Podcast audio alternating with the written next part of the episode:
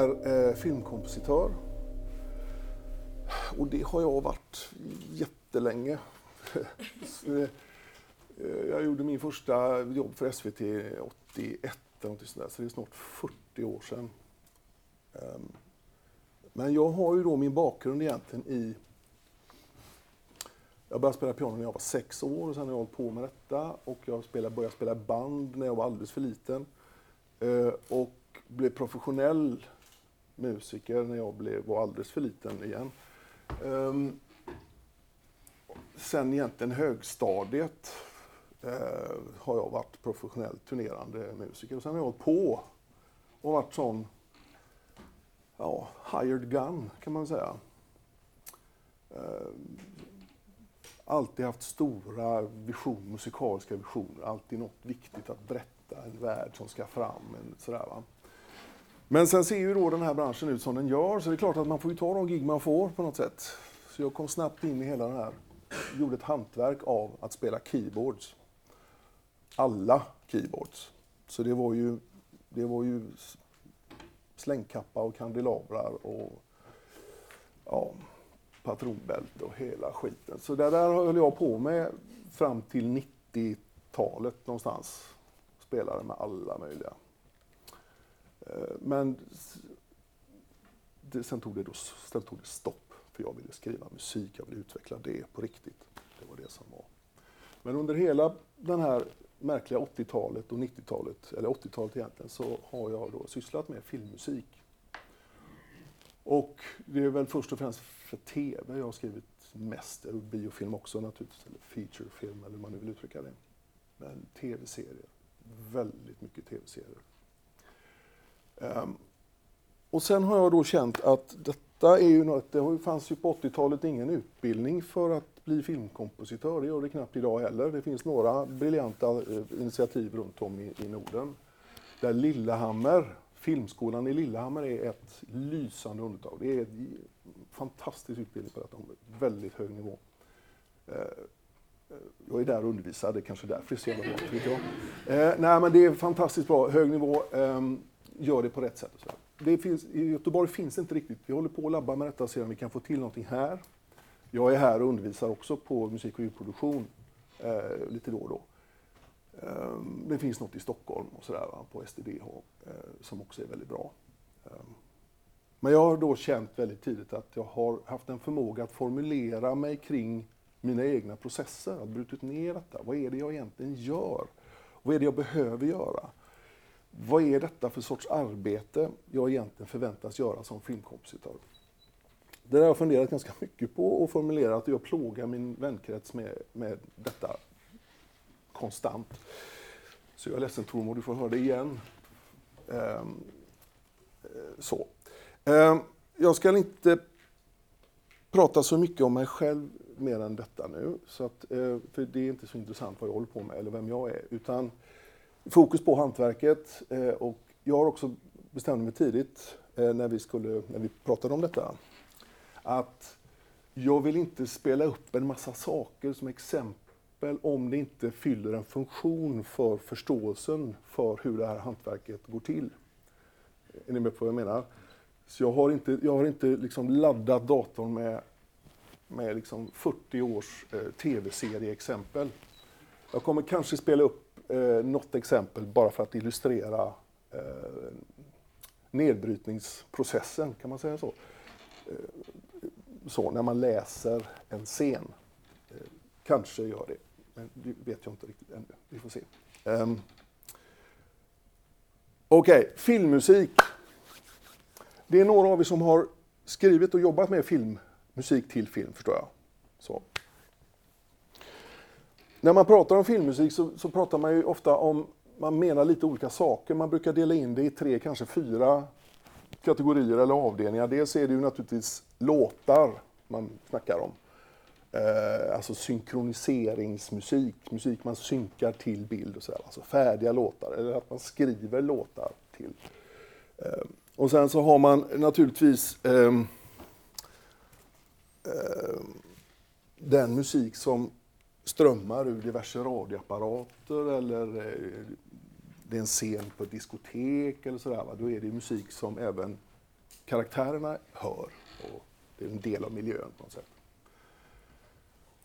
Eh, den är då, man pratar ju om diegetisk musik va? kontra då icke-diegetisk. Är ni bekanta med de här begreppen? Diegesis är alltså grekiska betyder det som är ungefär, alltså det som finns. Mm. Eh, och när man pratar om diegetisk musik så menar man alltså musik som finns, man ser källan i bild eller att karaktärerna hör den här musiken, är en del av miljön. på något sätt. Någonting som ofta eh, är någonting som ljudläggarna ägnar sig åt. Det, det är ofta som filmkompositör kan jag få en fråga, kan du skriva en, en låt, för det behöver vi ha här.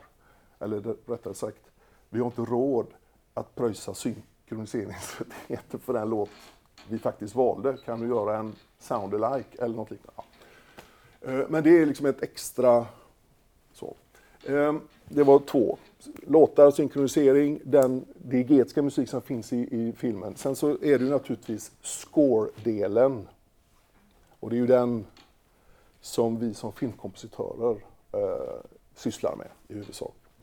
Det som man eventuellt kan prata om också lite grann, det är ju den delen av ljudläggningen eh, som närmar sig musikliknande kvaliteter om man så vill. Drones, som, alltså vindljud som går över något som får...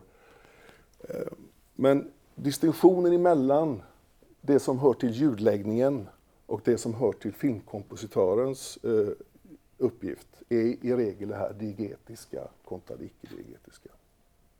Så på det sättet är det lätt att dela det på något sätt. För många säger ju detta att ja, men det är ljudläggning och film, det går ihop, det blir liksom en massa av allting. Man hör inte om det är en syntdrone som är tänkt att vara eller om det är liksom en, ett motorljud eller åska på avstånd eller vad det nu kan vara. Men där går skiljelinjen då. Huruvida det är diegetiskt eller. Det är så. Um. Men, men det vi ska egentligen prata om eh, i första hand här, som jag, som jag vill prata om mina erfarenheter kring. Sen finns det inga rätt och inga fel naturligtvis, men um, det var det som har varit min drivkraft under alla år, att nu har jag hållit på med detta så länge, det måste vara, kan jag kapa några månader i en, en kollegas utvecklingsprocess genom att säga någonting om mina erfarenheter så är det ju värt detta, tänkte jag. Um,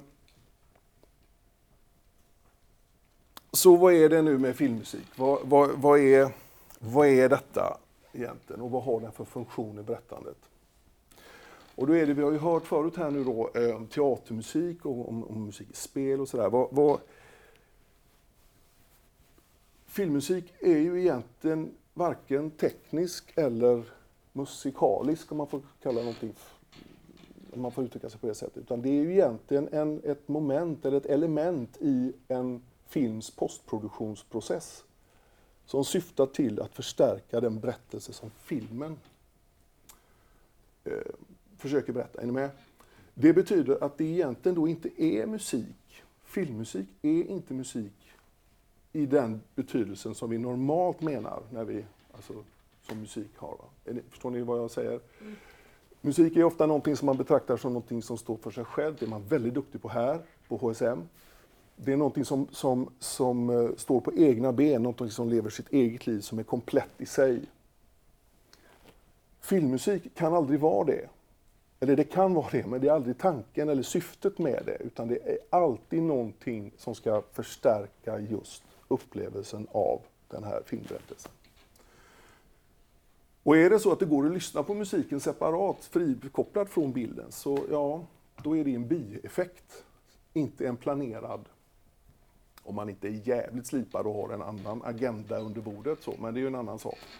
Det är ganska få som går i land med det där, och får, där det fungerar stilmässigt. John Williams är väl ett ganska bra exempel på det där, där det faktiskt är något sån här lyssningsbar musik frikopplat från filmen. Men i regel, men som sagt, det är en biprodukt. Vem sa du? John Williams. Um, är, är, någon, är ni bekanta med John Williams? Vet ni vem det är? Alla nickar. Är någon, ska vi göra tvärtom då? Du vet inte vem, vilka... Nej, han har gjort... Eh, han är ju den par excellence kan man väl säga. Han är the filmcomposer. Alla de andra man känner till, Jerry Goldsmith och, och eh, James Horner och bla bla bla, alla de här stora filmkomponisterna, de, de finns i den här massan. Sen är vi en massa Pelle här nere som håller på. Joe Williams, han är där uppe helt oantastlig på något sätt. En, en sorts hantverksmagik. Eh, alltså det är bara helt... Nu ska jag inte säga mer om honom där, men han har gjort han har skrivit så jävla mycket ikonisk musik. Det är hela Star Wars, det är Jaws, det är Harry Potter, det är wow, you name it. Alla, alla stål och, eh, stål och bat, eh, fladd, alla de där grejerna. Han har gjort rubbet. Och han upprepar sig naturligtvis och, och man känner igen honom, okej. Okay Fan var det där Raider, Raiders of the Lost Ark, nu Indian, Jon, eh, vad heter han, Indiana Jones, där, Indian Jonas. Eh, eh, eller var det, är det Superman? Svårt att, det är ganska li, kan vara lite så här. Schindlers list har han gjort till exempel. Ja, du vet ju vem han är, Okay. Han har en jazzig sida också. Den, alltså Catch Me If You Can och Tintin gjorde han ju här nu då med Steven Spielberg. Ja. Um, Hans musik står ju för sig själv också, om man så vill. Men min viktiga point här det är att filmmusik är inte musik i traditionell bemärkelse. Och det är också någonting då som egentligen aldrig kan uppstå på något annat sätt än ur vår förståelse och läsning av filmen och filmens berättelse, filmens drama. Så det är inte ens min musik blir det ju naturligtvis eftersom hantverket är inkopplat. Men det är alltid filmen som talar om vad den behöver för, för någonting. Och det är därför jag fortfarande håller på med musik, att jag får hålla på med filmmusik. Därför att all musik är ju då, måste jag på något sätt skaffa mig en relation till. Hur andra uppfattar detta, olika typer av musik, vad de bär på för konnotationer. Vi ska gå igenom de här begreppen. Det blir lite småakademiskt här så små. Det får ni, ni får hacka i detta. Men, um, um, och det är också, det är, om man tänker då, om man pratar eh, teatermusik och man pratar om, om, spel och så jämförelse. Filmen är ju en egen sluten värld med, det är ju dekoration av tid vi sysslar med. Så, alltså den har ju en början, en mitten och ett slut. Det finns en dramatisk Eh, ett syfte, ett dramatiskt syfte, en dramatisk struktur som vi behöver förhålla oss till. Vi måste förstå den och läsa den och kunna bryta ner detta för att lyssna fram, vad är det den här historien behöver ha som vi inte redan ser i bild till exempel. Därför att det är där vi håller till. Vi håller ju till, det som redan syns i bild, det ser vi ju redan i bild. Vi håller ju till i det där landskapet som man inte ser i bild. Vi beskriver inte att någon springer över ett fält, därför att det ser vi att någon gör. Vår uppgift blir ju naturligtvis att försöka bringa klarhet i varför den här personen springer. Springer den från någon? Till något? Är den jagad? Det framgår inte av bilden, men som kompositör kan jag bestämma varför den här personen springer över ett fält. Ja, ni fattar poängen. Eh, det betyder, och det finns vi ska prata mer om den här nedbrytningsprocessen och, och, den här förståelsen som vi behöver ha av hur dramat är uppbyggt och sådär och hur detta spiller över då i någon sorts musikberättande i undertextform. Eh, det har gjorts många försök att definiera vad filmmusik vad det är för något och vad det har för funktion. En av de, de mest berömda är väl just den här, de här sju, Gorbmans sju punkter. Alltså, Claudia Gorbman är en sån här musicologist. Hon har då, eh, man brukar hänvisa till, till de här sju punkterna, det är sån där standard. Det finns hur många listor mer som helst, som inte är sju utan som är 15 eller 1500. Så, där man försöker gå in och nagla fast då vilka funktioner filmmusik kan ha i filmberättandet. Eh, jag har valt detta för att det är enkelt, det är lätt att begripa. Man förstår ganska tydligt vad det är, vad det är, som, vad det är som sker. Och de, är, de ser ut så här. Ehm, de sju punkterna.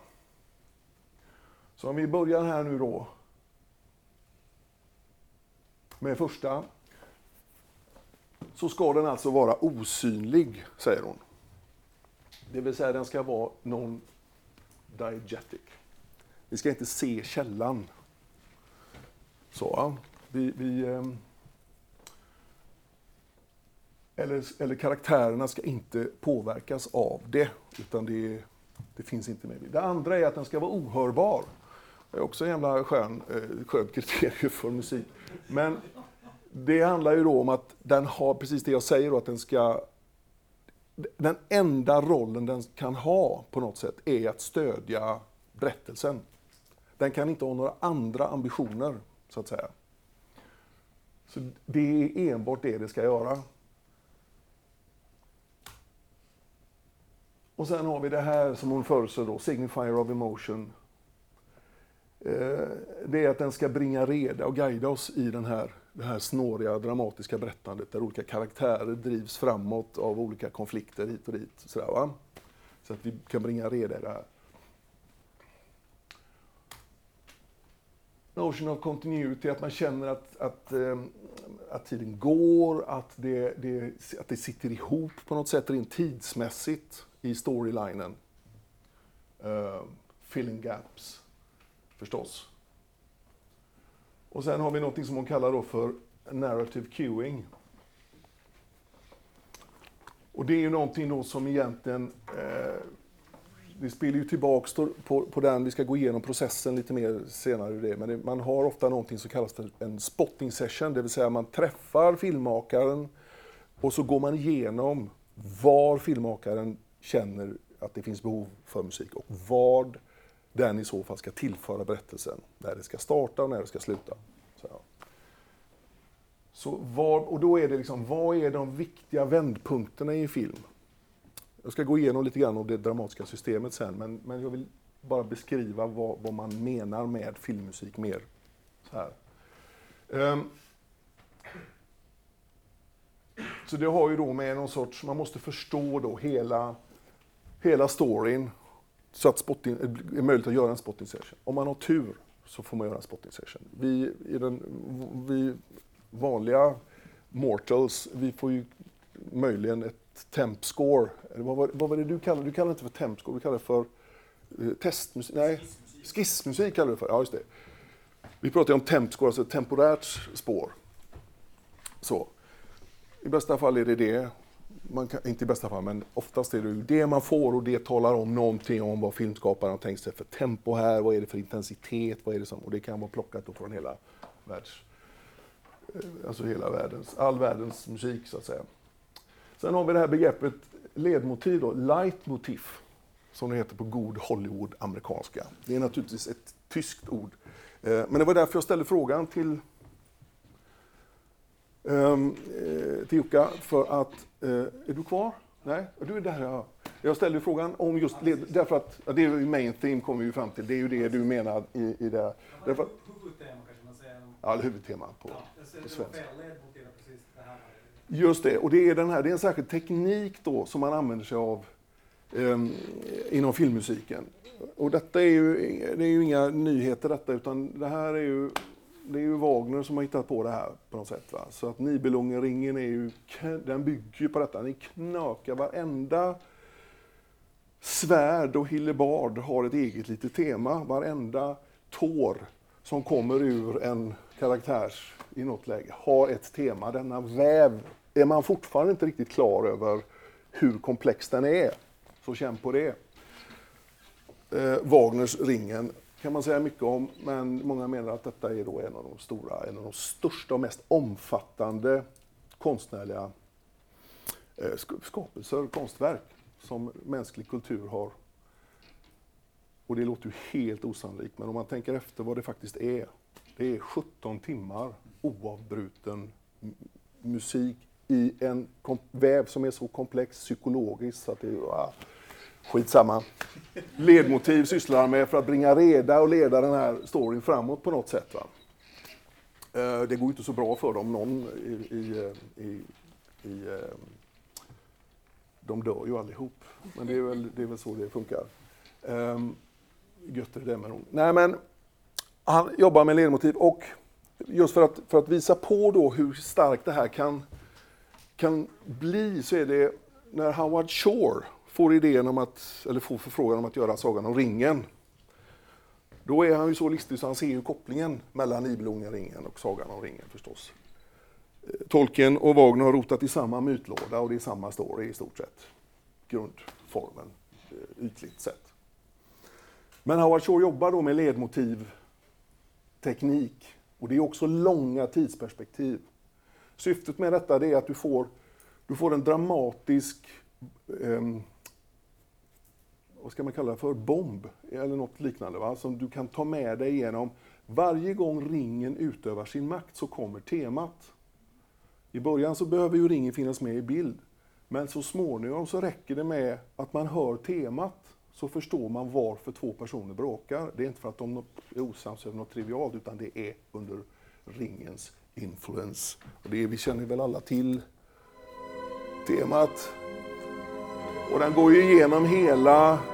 Den finns också i Hobbit sen, som kommer efteråt. Men där är han så smart så att han i Hobbiten så drar han inte hela, utan där har han bara de två första tonerna och det räcker gott. Vi, vi, vi vet hur ringens ondska låter på något sätt. Ni fattar vilken kraftfullt, vilket kraftfullt verktyg det blir. Va? Och det är naturligtvis också så då med... Gjorde jag sönder den nu eller? Ehm, när de här två glada killarna som är ute och bråkar med alla bovarna i Sagan om ringen, när de längtar hem och så. så då finns det ju ett tema för det. Och det dyker också upp i tid och otid.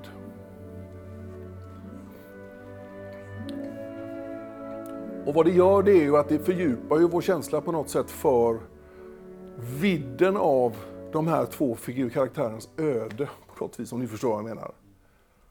Så när det här kommer i slutet, på, jag vet inte om ni har sett Sagan om ringen, det kanske ni har, eh, men det, i slutet när, när Frodo faktiskt har slängt den här guldbiten i The Mountain of Doom. Och det är bara lava överallt och så ligger han och kompisen på ett jävla eh, stenflak i den här lavafloden och snackar om jordgubbar och grädde, för det är det de gör. Va? De längtar hem. Vi kommer aldrig att komma hem. Då kommer ju temat och då känner man, fuck, de är rökta liksom. Och det är det här som står på spel för dem. Det är det här de kommer att sakna. Det är det här som har gått förlorat för dem. Så deras scopet på deras, i deras situation fördjupat. Ja. Ni fattar tricket med ledmotiv. Ja.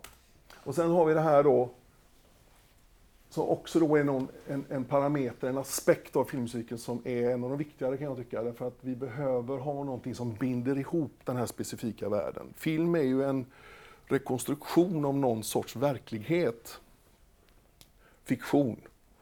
Även en dokumentär blir ju en fiktion va? eftersom den finns på bild. Så att vi behöver någonting som har förmåga att binda ihop hela den här världen så att den blir begriplig och avgränsad för oss.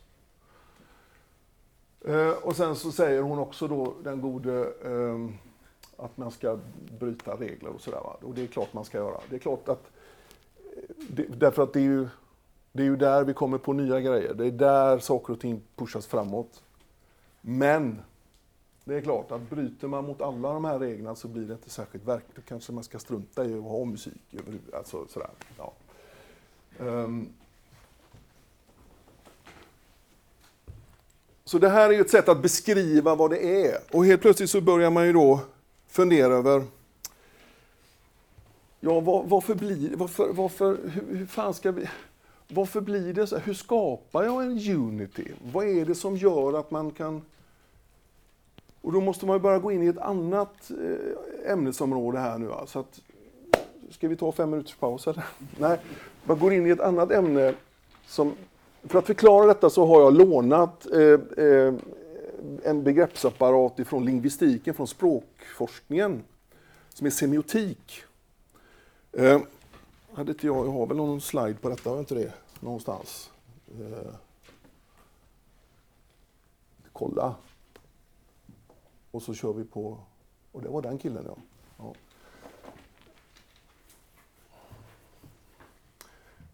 Ja. Alla företeelser som vi omger oss med tolkar vi och läser vi på olika sätt och tillmäter olika typer av värden och sådär. Va? Och det här är någonting då som är, eh, det är så vi kommunicerar med varandra. Detta är kulturellt eh, betingat naturligtvis. Va? Ehm, alla kommunikativa tecken är konventionella och det betyder att det, de uppstår i en överenskommelse oss emellan.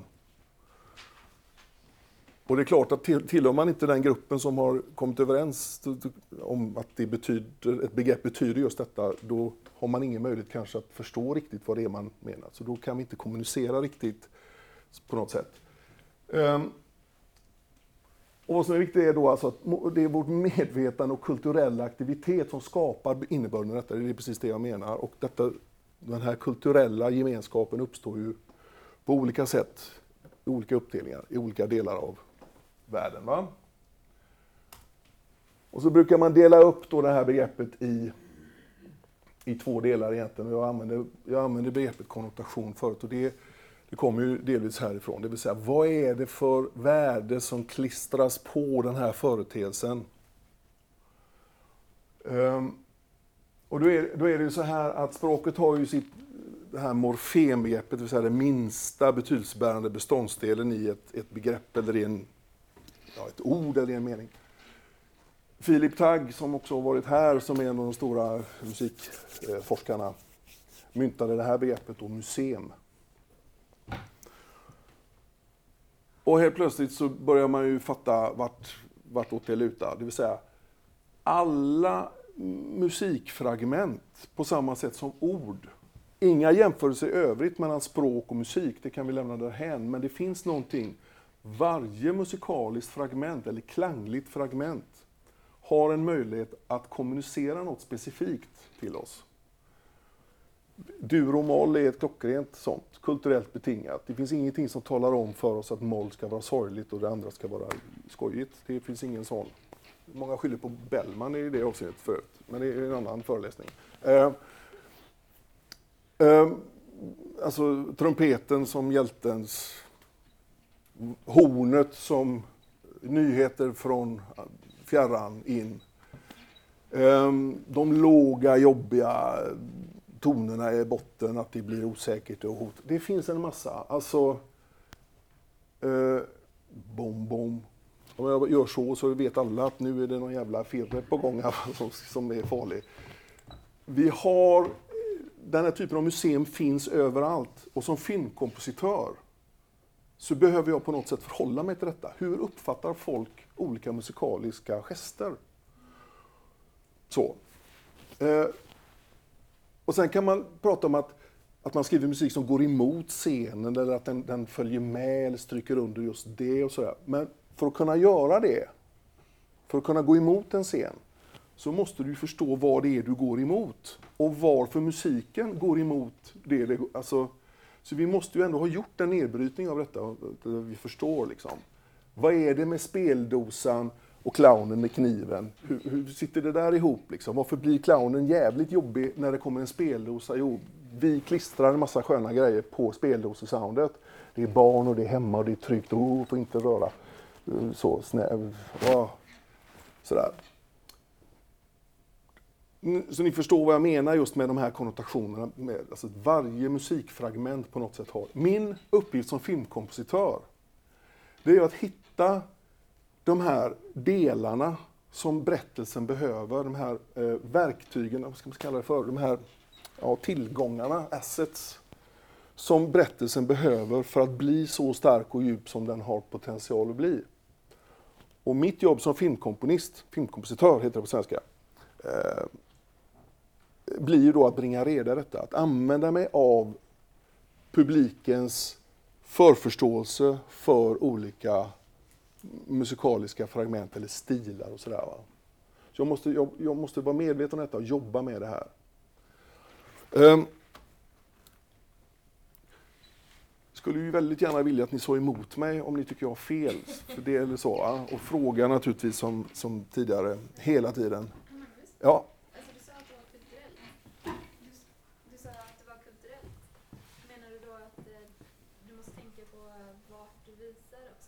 alltså någonstans? Nej, men om jag kommer till Madagaskar och försöker kommunicera med dem på turkiska så kommer jag vara jag kommer inte vara särskilt framgångsrik i, i mina eh, ansträngningar att, att försöka få dem att begripa vad det är jag pratar om. Så det handlar ju om språk, på det sättet så blir det ju språk på något sätt. Va? Men om man lyfter upp det, ja, Hur, hur tar du reda på hur olika gester uppfattas? Ja, den är ju klockren. Skitbra fråga. Eh, och detta är då detta är ju en av de stora nöt, nötarna att knäcka, vad jag på att säga. Eh, det finns, jag måste ju koppla ihop detta med mitt sätt att förhålla mig till, eh, till den musikal, alltså musik, den, min kreativa process som musikperson, om man så vill. Men jag måste ju också intressera mig för hur, vad är det för strömningar och stilar? Vad är det som förändras? Hur ser kulturlandskapet ut? Vad är det för filmer som blir? För rätt vad det är så ska alla filmskapare ha musik som påminner om Johan Johanssons Arrival och Sicario. Eller, och för tio år sedan så var det någon som skulle ha Hans Zimmer-grejer. Det är det väldigt få som efterfrågar, mer än på, möjligen på spelsidan kanske. Men det förändras ju det också. Så det går trender i detta och det är delvis trendkänsligheten som vi behöver titta lite extra på. och Sådär, va? Och det handlar inte bara på musik, om musikområdet. Utan jag brukar ju förorda att det händer ju saker inom bildkonstområdet, inom dansen, inom litteraturen, inom politiken. Ja, ni fattar vart detta tar vägen. Vi behöver helt enkelt vara jävligt nyfikna på de strömningar i samhället överhuvudtaget i världen som påverkar de här sakerna. Det vill säga, hur ser vi på oss själva? Vad är det att vara människa? Hur har vi så, nu. Men vi behöver också förstå hur människan kulturellt eller har beskrivit vad det är att vara människa way back. Därför att rätt vad det är så kommer det någon sköning och vill göra en film som utspelar sig i, i, ehm, på 1700-talet i södra Frankrike. Vad fan, vad gör jag då? Jag kan ju ingenting om det. Nej, men jag måste ha verktygslådan igång då så att jag kan göra en sån instudering och förstå vad är detta som... Och då är det inte bara vad är det för musik de lyssnade på då, utan vad var de ekonomiska förutsättningarna för folk att leva? Hur såg det ut jämlikhetsmässigt? Hur såg det ut de politiska strukturerna? Under vilka hot? Vad var det för villkor? Ni förstår. Och i det här läget så brukar folk säga, men vad fan, kom, det, är väl bara för, det är väl bara att kolla och så skriver man en skön grej. Det är väl sådär va? Ja, och det kan man göra. Och det är många som gör. Eh, och det tycker jag man ser ganska ofta på... Nej, jag ska inte gå in på den. Eh, jag har öppnat den dörren. Men... Och det kan funka. Problemet är att som yrkesperson med är- 40 års erfarenhet så blir min blick på eh, den blir lite annorlunda på något sätt. Därför att jag kan identifiera en outnyttjad dramatisk potential, om ni förstår vad jag menar. Jag kan säga, shit, tänk om de hade gjort så här istället. Fan vad det hade fäst. Jag hade ju börjat lipa med en gång liksom, om de hade gjort så. Men istället så väljer de att gå med bilden eller föra in ett nytt element som jag måste förhålla mig till. Det här har jag inte hört förut. Det är inte kopplat till något annat i den här filmberättelsens värld. Och så här, va? Förstår ni vad jag menar? Så, mm, på, och, och även om man inte vill vara så supernördig eh, som jag beskriver det här nu så, så behöver man ha ett visst mått av research. Man måste ändå gå in och öppna den dörren. Så. Eh, och där funkar vi alla väldigt, väldigt olika naturligtvis. Jag, vissa vill bara ut och testa och koppla ihop eh, västen med gylfen och kolla vad som händer och så, ah, det var inte bra, då tar vi nästa. Så här, va? Medans, min metod har alltid varit detta att jag sätter mig och pluggar allt om tiden, om vad händer, politiken, kulturuttrycken, bah, hela skiten. Ehm, därför att det blir ett sätt för mig, innan jag tar en enda ton i min egenskap av filmkompositör, filmmusikkompositör, som får man väl säga på svenska, så gör jag ett, ett research eh, har jag en researchfas där jag gör den här läxan. Och vi kommer till det senare, jag ska förklara varför det för mig har varit eh, bra, eller eh, make sense heter det på engelska. Jag kan inte prata svenska längre. Um, så ni förstår då det här med, med, eh, med semiotiken. Då. Och det, för att nu då förstå hur jag ska göra, nu fick ni semiotikkoket här också nu då. Men om ni tänker på Goldmans, eh, de här sju punkterna, vad, musik, vad filmmusiken ska egentligen ha för funktion. Det ska vara osynligt, det ska vara ohörbart, det ska skapa en, vara en signifier of emotion. Och det ska samtidigt hålla ihop den här världen. Vad måste jag göra för att det ska bli så? Hur kommer jag fram? Vilka trudelutt, vilka tangenter ska jag trycka ner för att man ska känna att den här världen hålls ihop? Man kan gå på feeling, kan man göra. Det är många som gör. Det funkar inte riktigt, har jag upptäckt. I alla fall i, i den delen av filmbranschen som jag befinner mig i. Utan jag måste göra läxan. Jag måste göra läxan. Jag måste hitta någonting som är specifikt just för den här berättelsen, klangmässigt. Men innan jag kommer dit så måste jag ju förstå berättelsen. Jag måste förstå vad berättelsen egentligen handlar om. Och då tycker folk att, ja men vad fan, det är väl bara att titta på filmen så ser man ju vad det handlar om. Det de springer omkring här och ser det, där, där, där, och så blir de kära. Och så ja, funkar inte det, så blir det, ja, så ordnar det sig till slut. Det är väl det det handlar om. Och då är min, mitt svar på det, nej, det, ja, nej, det är det inte. Utan det går att koka ner varenda jävla film som är gjord till ett par fraser. Till någon enkel, ett par ord, ett par fraser. Det kan handla om sviken kärlek. Det kan handla om den enkla lilla människans kamp mot, de stora, mot det stora. Det kan vara sorgen efter en anhörig. Det kan, förstår ni vad jag menar? Harry Potter, nu drar jag detta igen, I'm sorry up there. Uh, Harry Potter, åtta filmer, sju böcker, swashbuckling med uh, wands drakar och demoner och trollkarlar och dementorer och fan hans. Men det är inte det det handlar om. Harry Potter handlar om en enda sak och det är kärlek. Hela storyn drivs framåt av Harrys eh, längtan efter sina döda föräldrar. Alla intriger handlar om att hans mamma älskade honom och dog för hans skull he, varenda konflikt i stort sett handlar just om det. The boy who lived och överlevde tack vare sin mors kärlek. Detta lever Harry med hela tiden på något sätt. Och, ni fattar? Det går alltså att plocka ut. Vi pratade om Sagan om ringen förut, det är också en sån här... Um, den handlar ju då egentligen kanske inte om uh, Urukai och orker och eh, kanske det goda och det onda, men det ringar ju inte in någonting egentligen. Jag brukar säga att den handlar då om att äh, rätten för den lilla människan att ta sig ett glas öl, brukar jag säga att, att, att Sagan om ringen handlar om. Om man tänker efter då, så det börjar ju med att de sitter faktiskt på den här krogen och tar sig, dricker sin, sin öl. Va? Och så det är där storyn tar sin början på något vis. Va? Sen händer det en jävla, massa... ursäkta min, min franska, väldigt massa olika grejer. Eh, de råkar ut för alla möjliga saker. Äventyret är bara helt fantastiskt och det var wow. Och till slut så kommer de ju tillbaks. För att kunna göra en enda sak. Till att börja med. Det slutar ju med att de sitter där vid bordet, samma jävla bord. Fast de har eh, vinröda sammetskaftaner på sig istället, som har växt lite då. Va?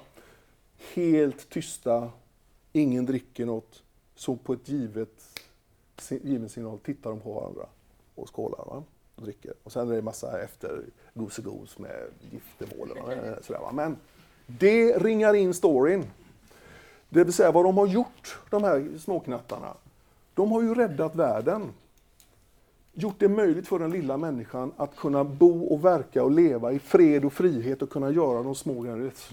Det var jobbigt. Uh, oh. Um, och kunna få ta sig ett glas öl i lugn och ro utan att någon jävel kommer med ett stort svärd och hotar eller någon jävla vad det nu är. Va? Ni förstår vad jag menar? Bli, ja? Jag tänkte på det. tiden få reda på mycket om när det händer och, och sådär som just vi ska göra musik till, eller filmmusik som det är. då. Då får jag det till att, ah, som du nämnde, att filmmusik ska det eh, sägas då. till. När får du, då betyder väl det att då har du sett rätt mycket av själva filmen och tempot och klippets tempo och sånt. Eh, story, alltså filmen, hur färdig har det varit Mm. från början i och med att det ska kopplas ihop med det? Ja, jättebra fråga. Eh, och det jag kommer att, att beröra just, för det har med processen att göra sen, när man tillämpar de olika skillsetsen på något sätt och hur mycket du vet om processen, hur mycket du behöver ta reda på för att kunna göra rätt val i olika faser av processen. Eh, jag, ska gå in på det så småningom här. Jag vill, jag vill då vad jag pratar om nu då, det är egentligen något av det viktigaste vi som filmkompositörer behöver kunna och det är att läsa film. Jag kallar det just för att läsa film. Vi måste förstå hur, vad är det som får en filmberättelse att ticka? Vad är det som händer här? Vi måste kunna bryta ner den historien. Vad handlar den här berättelsen om egentligen då, som jag har pratat om här? Va? Och då, då är det ju inte, det är inte fel. Alltså jag tänker ofta på det arbete en dramaturg gör på en teater, där man arbetar ständigt med historien och hur det sekvenseras upp i tid på något sätt. Va? Där olika värden krockar mot varandra på något sätt för att skapa eh, bäst och mest effektiv friktion för att driva historien framåt.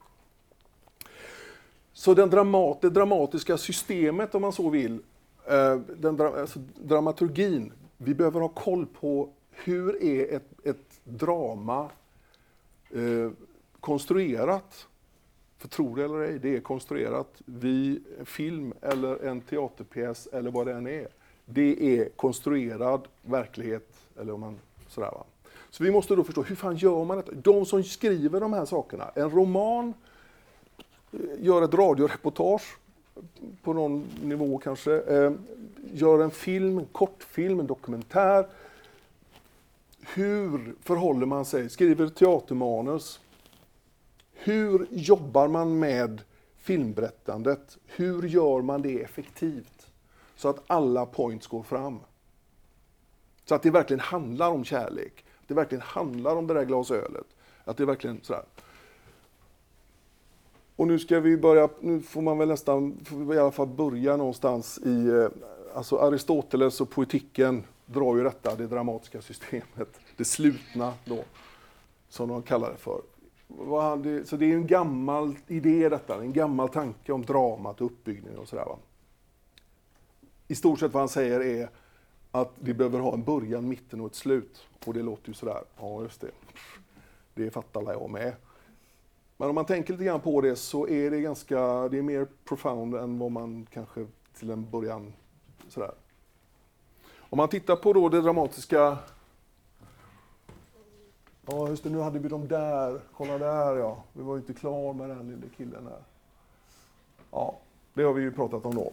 Eh, jag skulle vilja prata bara helt kort om det dramatiska systemet, bara visa er. Väldigt, väldigt grovt, väldigt schematiskt. Och det stämmer säkert inte alls i alla sammanhang och sådär va. Men det ger ändå en, en bild av vad vi behöver förstå av ett berättande som sker över tid på något sätt. Va? Vi måste få en möjlighet att kliva in i världen. Anslaget blir ju så viktigt. Vi måste göra överenskommelsen med de som, alltså vi måste godta den föreslagna, Eh, det föreslagna anslaget som manuset bär på eller som filmen. Så vi behöver ha ett anslag. Liksom. Vi måste komma in i storyn. Och sen måste vi då på något sätt bli presenterade för. Vad är det som står på spel här? Vilka är, var är vi någonstans? Vad är, alltså, vad är det som händer? Och sen så fördjupas ju detta då. Karaktärerna blir lite mer tydliga. Man bara fattar, oh shit, det här kommer ju inte och Så där kom, ja. Det händer grejer och det trappas upp naturligtvis. All dramatik drivs av konflikt. Så det är alltid liksom protagonisten, alltså den som vi ska identifiera oss med, bestämmer sig för att ta sig från punkt A på olika sätt till punkt B. Och dramat utspelar sig eh, under då ett antal konflikter som driver berättelsen framåt på något sätt. Va? Svårigheter som hela tiden på ett eller annat sätt ska över, övervinnas på något vis. va. Ja, och ni förstår ju själva, det trappas upp och vid någon punkt så sker det någonting som gör att okej, det ordnar sig och sen så ska vi packa ihop allt och lämna allting. Liksom. Eh, och sen moralen av det vi har varit med om ska på något sätt synliggöras för oss, eller inte. Men ni förstår min point med detta, det här är viktiga saker att hålla ordning på, för det här handlar ju egentligen om komposition på ett sätt. Vi pratar ju dekoration av tid här nu va. Eh, jag menar, det skulle ju gå att hävda att sonatformen är ett, en form av dramatiskt system också. Den har sin form på något sätt. Eh, och även när vi, när vi ställs inför en konflikt själva, privat, i livet, så gör vi delvis en likartad, går vi igenom en likartad process. Vi får punka på cykeln. Shit, vad är det som händer där? Okej, punka på cykeln. Det var jobbigt. Och sen är det, varför är det jobbigt då? Jo, därför att det regnar och det håller på och då har vi någon sorts presentation av detta. Så blir det en fördjupning. Jag står på en väg med massa bilar. Så jag blir, ah, ni fattar vad jag menar. Så småningom så hittar vi ett sätt. Okej, men jag måste göra så här. Jag ringer. Bla, bla, bla. Alltså, det, det är en väldigt naturlig del av vårt sätt att förhålla oss till konflikter eller problem som uppstår i vardagen. Så detta är någonting som vi egentligen är bekanta med allihop. Det är därför det delvis fungerar. Det fungerar också för att vi är så duktiga på att lägga pussel. Vi är ju ett pattern seeking mammal som vissa pratar om. Alltså vi försöker hela tiden lista ut, vad fan, vad, vad, förklara vad det är vi ser. Så att, och det använder sig dramatiker av naturligtvis. Ger lite fragment, börjar och sen så sitter vi där, ja fan men det här har jag koll på, nu vet jag, shit det kommer ju inte alls så det här, va? det blir ju jävligt konstigt liksom. Den är ju sån och så. så. Man fyller i alla gapsen på något sätt. Mycket av dramaturgi då, eller dramatisk spänning och utveckling bygger ju på att vi i ett givet ögonblick när vi tror oss faktiskt ha superkoll på mönstret vi har gjort där, då bryter man så här och då blir det helt, det är nya new balls, nya, alltså det är helt, wow, var det så här det var? Shit, då får vi lägga ett nytt mönster för det, för nu fattar vi ingenting. Jaha, förutsättningarna förändras. På det här sättet så drivs då, det är ju det man pratar om med konflikt, att det är konflikter som driver dramaturgin eller dramat framåt på något sätt. Ehm, är ni med på vad jag snackar om eller? Har ni frågor på detta? Är det liksom något som låter det okej eller är det?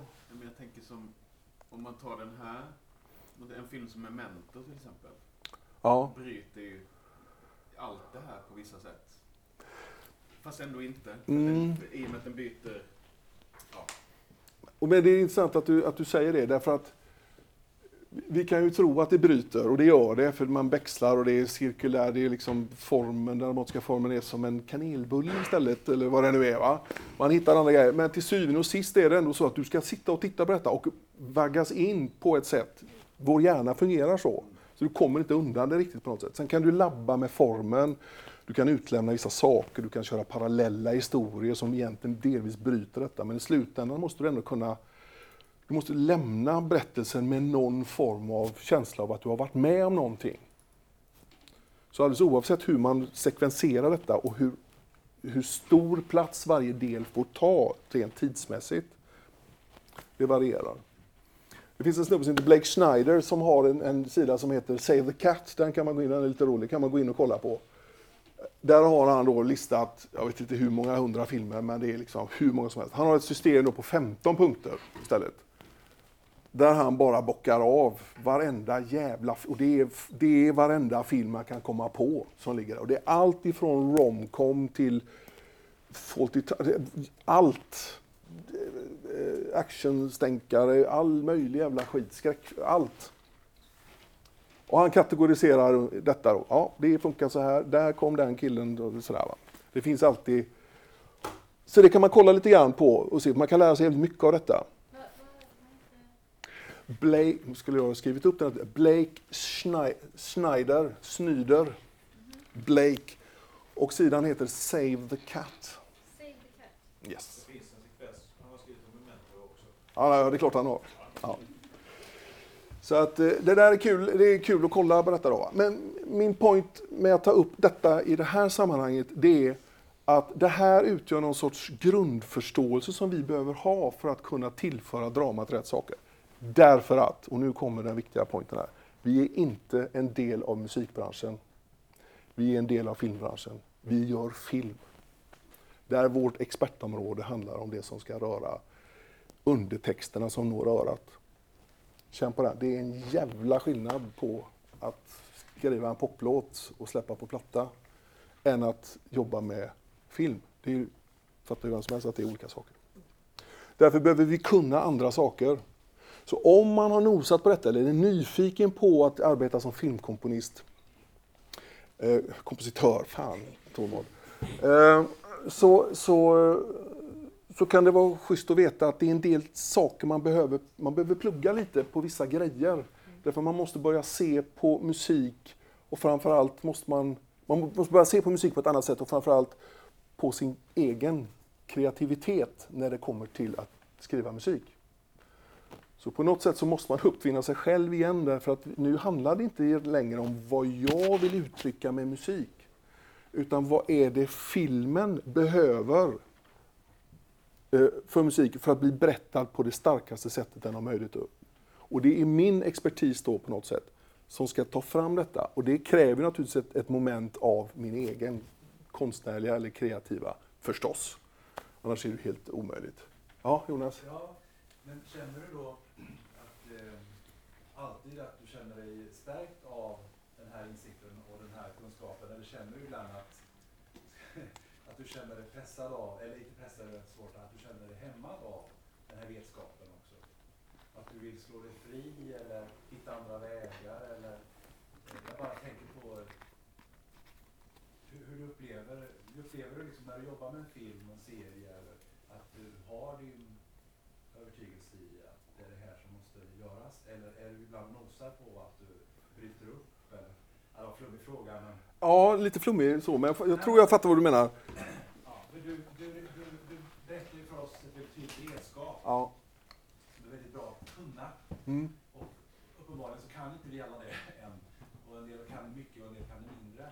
Men känner du ibland att du har liksom så mycket kunskap i det att det också kan vara så att du, nu vill jag prova något annat?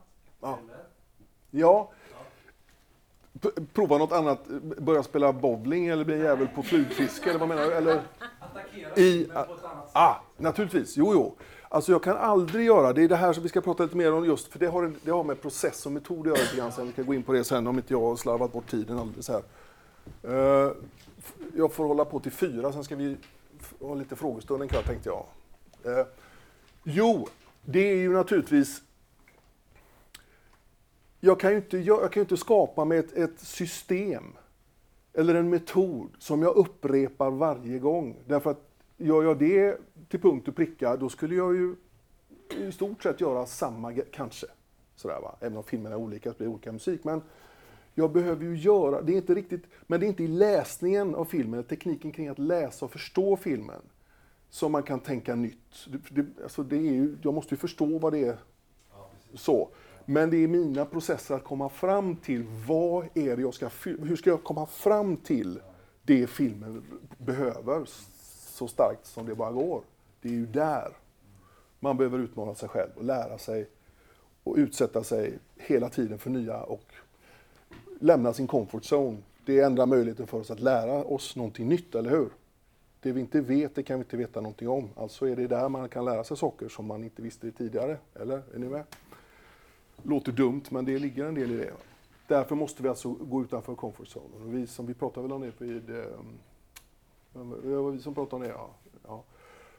För att lära sig någonting nytt så måste man ju ge sig utanför den här. Och vi är ju programmerade som kolföreningar, socialt att undvika smärta och stress. Sådär, va?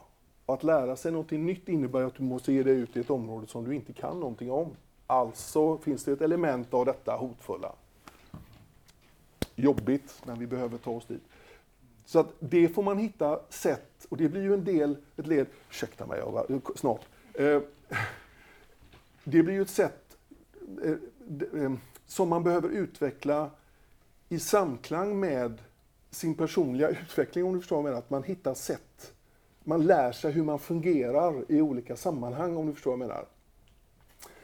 Så att du kan ut, utmana det och hitta andra sätt att göra det på. Um, för du kan inte utmana dig själv om du inte är medveten om att du gör och upprepar. Du måste se strukturen för att, eller, och förstå vad det är som händer om du ska kunna utmana dig. Va? Men att lura sig själv hela tiden, att vända gitarren bak och fram eller köpa något instrument som du absolut inte kan spela. Eller sätta dig som trummis i ett klättsmöb, inte vet jag, vad fan som helst som, gör, som bryter någonting mot, för att vi är sådana vanemänniskor och vi har våra strukturer, vi jobbar under sån tidspress så vi måste förlita oss på att systemen fungerar på något sätt. Va? Men jag kommer till det alldeles strax då, i den, hur den metodiken, ja förlåt. Men det är ingen fara. Hur, enligt din, hur är din eh, erfarenhet när det kommer till samarbetet med regissören? För att jag känner, i mitt fall har det varit så att många regissörer har väldigt klara, ty, alltså, tydliga eh, önskemål eh, hur de vill ha det. Och det är inte alltid det är kanske det bästa för filmen, men det är, eh, ja. Exakt. Ja, men du sätter ju fingret på det där. Va? Ja. Ja. Det, det är ju den här dialogen, jag tänkte dra lite grann om kommunikation då i kollektiva konstnärliga processer lite senare, men, men eh, tiden rinner iväg så vi kör väl på här helt enkelt. Eh, vad du pratar om där, det är ju då hur, egentligen får man börja i en annan ände lite grann, men, men det är ju inte alltid, i en kollektiv konstnärlig process så behöver man ju, okej ska vi dra det i sjoket nu då, det är lika bra att göra det. Um, alla konstnärliga eh, kollektiva processer är ju en jävligt avancerad övning i kommunikation på något sätt. Va? Man måste förstå sin roll i ett samarbete där alla är mer eller mindre narcissister och ska ha sin grej igenom. Va? Lite så. Det, är sådär. Och det måste man som, som filmkompositör är man ju inne i det här som i egenskap i två eh, egenskaper. Man är expert och man är servant. Och på något sätt så måste man skapa ett så pass stort förtroende hos regissör och vilka som nu driver produktionen. Så att, det går, så att den gränsen mellan experteriuttalanden och det som servar och vad som servar vad, vid vilken... Så det här är rena social skills. Mina kollegor pratar om att göra filmmusik, det är 80% psykologi. Och det ligger ju en del i detta. Som det gör i alla, jag menar det vet vi som har jobbat, jobbat med teater, det är ju samma grej där. Det är ju ett jävla... Vad som är skönt med teater är att där är alla på plats ungefär på ett annat sätt än vad man är i filmproduktion. Och är det någonting som går fel så smäller det ju direkt va. Tjong säger det. Så är det en skådis som jagar regissören med en stol runt huset. Det händer ju grejer va vi filmkompositörer, vi får ju sitta i någon liten, vi sitter ju i vår jävla grotta med alla de här, det här helt överlastade teknikhavet som vi inte alls behöver, men som vi tror att vi behöver för att vi, ja, inte vet jag. Eh, för vi blir ledsna ibland och lite ensamma. Jag köper en synt till. Ska ja, men sådär, va? Så man är ju helt körd där. Va? Man sitter och försöker navigera i detta. Och det är alltid så på alla premiärfester när man ser en, en liten vilsen figur sitta på änden av bardisken med en trött öl. Då vet man, oh, där är the composer. Därför att man har aldrig varit en del egentligen av, för det är så jävla, precis som det är på teatern, det är, så, det är puss och kram. Alla känner varandra Man har varit ute i leran och jobbat i Tensonjackor och stått och väntat och druckit dåligt kaffe i plapp, plapp. Alltså, man har ju varit med om någonting ihop. Och jag har sett den här skådespelaren 3000 gånger så jag kan varenda pormask. Liksom. Så jag vet exakt. Och precis hur... Sådär, va? Så att när man träffas så är det liksom... Eh, ja, just det. Just det. Jag har ju, vi har ju faktiskt inte träffats. Utan, så att det där är... Men... För att prata om det, det var jävla dumt. Men just det där att regissören... Jo, vad jag ska komma till är att i kollektiva konstnärliga processer så är det ju så att man kommer in och arbetar med någonting som inte är klart. Och en regissör kan då på olika nivåer bestämma sig för hur klart detta är. En Coppola eller Tarantino vet redan hur det ska vara, eller Kubrick. Det är klart va. Kom inte här och tala om för mig, eller Bergman va. Kom inte här och tala om för mig hur saker och ting ska göras. Medan andra som inte är såna riktigt såna pretentiösa gubbjävlar, ursäkta mig, men så är det va. Kan se att detta faktiskt är en process. Där vi faktiskt försöker göra någonting tillsammans. Och där den kunskap som jag sitter på eh, är bra för filmberättandets kvalitet om man så vill. Jag brukar säga att slutresultatet av en filmproduktion ofta står i relation till kvaliteten på, på, det här, på kommunikationen, egentligen, samtalet. Och det är klart, det låter ju helt fantastiskt det här. Middag, gå ut och dricka vin, och kul, fan vad häftigt liksom. Det var ganska unikt. Det var, Ja, okej, tack för den. Tack. Det är inte så ofta det, det sker någonting Nej. sånt, utan det råkar vara så. Men det var väldigt viktigt för själva hela hur det, hur det blev och arbetsprocessen. Och det var som en lek, väldigt, väldigt lång tid var det en lek, ända till sista månaden. Ja. Det var allvar. Och Precis. Men, men det var liksom, det, det, om det kan vara på den nivån så det är väldigt kul. Det är så jävla ovanligt. Och så jävla lätt det är att göra. Varför gör man inte så? Just det där lekandet, va? Att det, det vill säga att man, och det tycker jag är en regissörs uppgift, faktiskt. Att skapa en miljö där det är helt okej, det är en del av kreativiteten och den kreativa processen, att göra fel. Man behöver aldrig hålla på och stroppa upp sig och säga, liksom, inte våga säga något för man är rädd och säga, äh, göra sådär, va. Ut med det! Upp till behandling, för det är alltid någon jävel som plockar upp det, eller så får man ett flabb och så lär man sig något.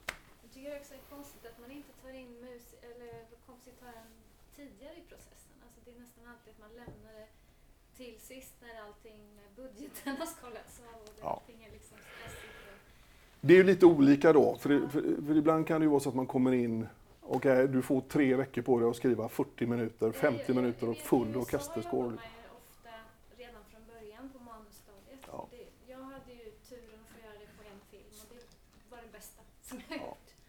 Ja, men det är ju bra. Det går fint att komma in sent också kan jag tycka. Men det är inte, om man får en något sån här låst film, du kan sitta och jobba, vi har, man har samtal med regissören om vad, sådär, man kan komma upp med förslag. Och man kan, men det är ju så, ju kortare tid man har umgåtts och ju mindre vin man har druckit ihop, desto mer kritiskt blir det ju. Vad du kommer med första gången. Det, betyder, det är lite grann som faktiskt upplevelsen av när du skickade en första draft till film och blev offad. Men spelgänget tog det. Därför att film... Dans. Var det dansvärlden? Ja. Ja, inte spel utan dans. Så. Men filmen ratade det liksom. Mm. Så det är så helt olika världar. Och de bygger på helt, det är helt olika dynamik i dem. Um, ja. Dramatiska där. Vi kan väl prata lite grann just då om, om den här processen nu då. Alltså, det är inte bara det att man ska ha sig en process och en metod för att genomföra den här processen. Man ska dessutom vara jävligt kreativ och briljant under tidspress. Vilket gör att man måste, måste förhålla sig till delvis sin egen kreativitet, men man måste också hålla koll på vad fan är det? Vad är, vad är kreativitet? Kreativitet är något som den gode Richard Bellis pratar om. Är, den gillar in, kreativitet gillar ingenting. Alltså du kan inte, ingen multitasking, va? inget, utan du, du får de där idéerna när du har lämnat studion, när du sitter och, eller står och lagar mat. Eller, det vill säga, allt är rensat, du har ingenting. Då funkar hjärnan, då händer det grejer. Så vi måste ju förstå lite grann om hur vi fungerar i de här sammanhangen så att vi kan... Och man kan inte heller sitta och vänta på att den där kreativiteten ska... Man kan ju skapa, försöka skapa ehm, eh, sammanhang där man frigör, man bokar av alla möten, man håller... För nu är jag i filmmood, nu är det liksom sådär va. Men, men och det går inte, man har inte tid att sitta och vänta på inspiration och sånt där jävla bullshit. Det där finns inte va. Det är bara snicksnack. Utan det är bara det är hårt arbete, självdisciplin och, och någon form av struktur som gör det möjligt för en att frigöra den kreativa eh, kapacitet man faktiskt har. Och det är också som, det är precis som inom teatern naturligtvis att ju tydligare struktur man har i driften av en pro produktion, desto mer utrymme blir det för eh, de kreativa processerna. Att göra fel, att testa nya saker. Därför man kan sekvensera detta på ett bra sätt. Min process är ju så jag får ju naturligtvis ganska tidigt så kanske man får ett manus, man sitter och läser den. Eh, livsfarligt att sätta sig och spela för tidigt. Alltid en dum idé. Så. Men man läser och skaffar sig någon sorts bild. Man börjar sjunka in i den här världen. Och det brukar vara då en del av det här research and development-fasen.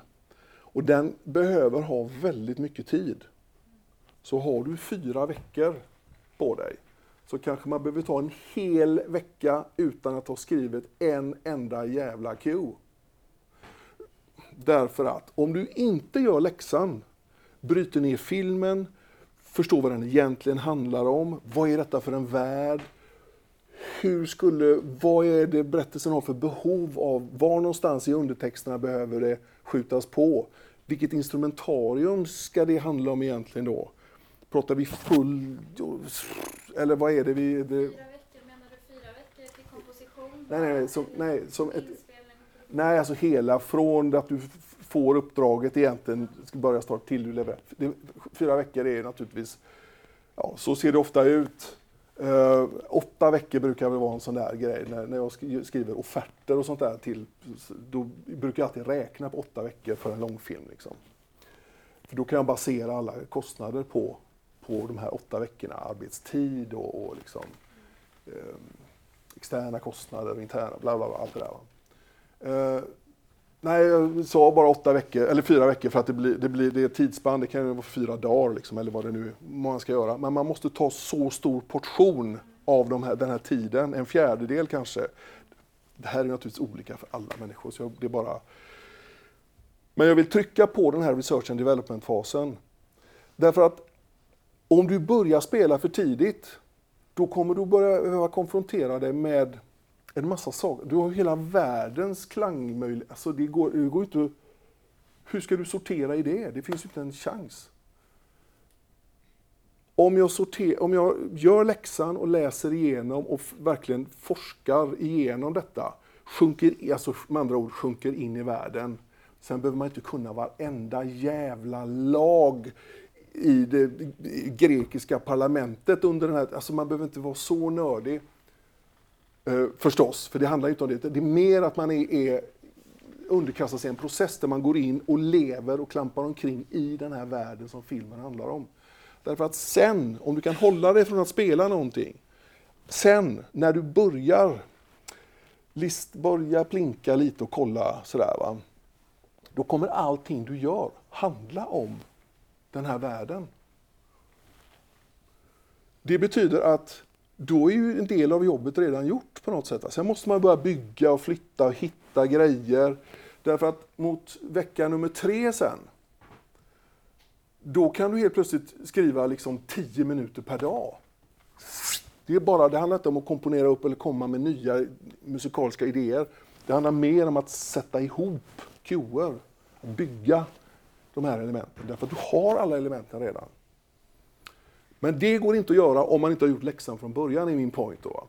Denna process ser naturligtvis olika ut för alla. Men för mig har den varit väldigt effektiv och väldigt verksam och jag behöver jobba på det sättet. Och jag behöver till och med läsa alla Greklands eh, grekiska antika lagar för att få feeling. Nej men sådär va. Så man är lite olika där, minst sagt. Men... eh, sen är det ju då det här med kommunikationen naturligtvis. Det är ju... Vi klantar till det med tiden här. Nej men det är bra. Ehm, just när det gäller kommunikationen så... Eh, splitter. Eh, ehm,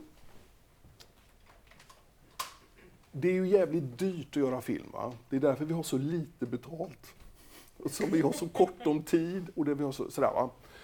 Eh, därför så måste processerna som man under, det, måste, det går inte att sitta och vänta på någonting. Sådär, utan du måste starta din process.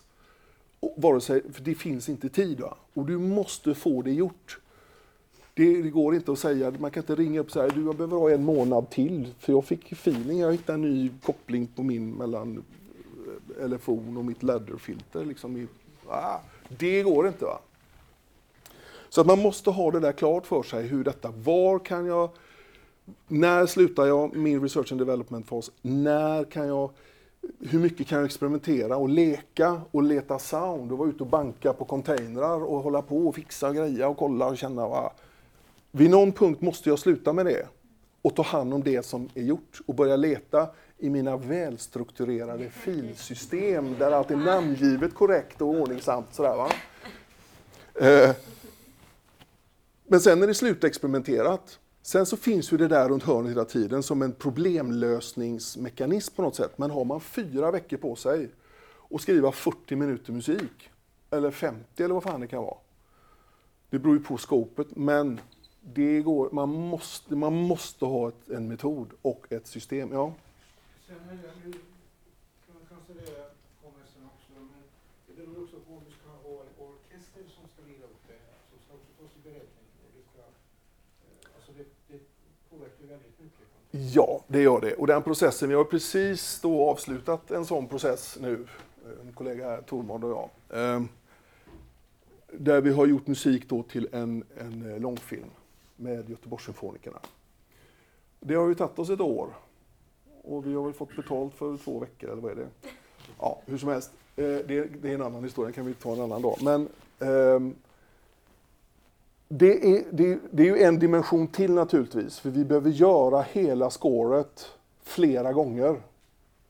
Rent tekniskt på något sätt, i olika notproduktionen kommer in som en annan, sen så ska det ju faktiskt spelas in. Men vi måste ju ha gjort en mockup som det kallas för, alltså en, en, en syntetisk skiss först. Som, därför att det, det är det vi sitter och jobbar med, våra system. Och det är här det blir en materialsport. Va? Shit.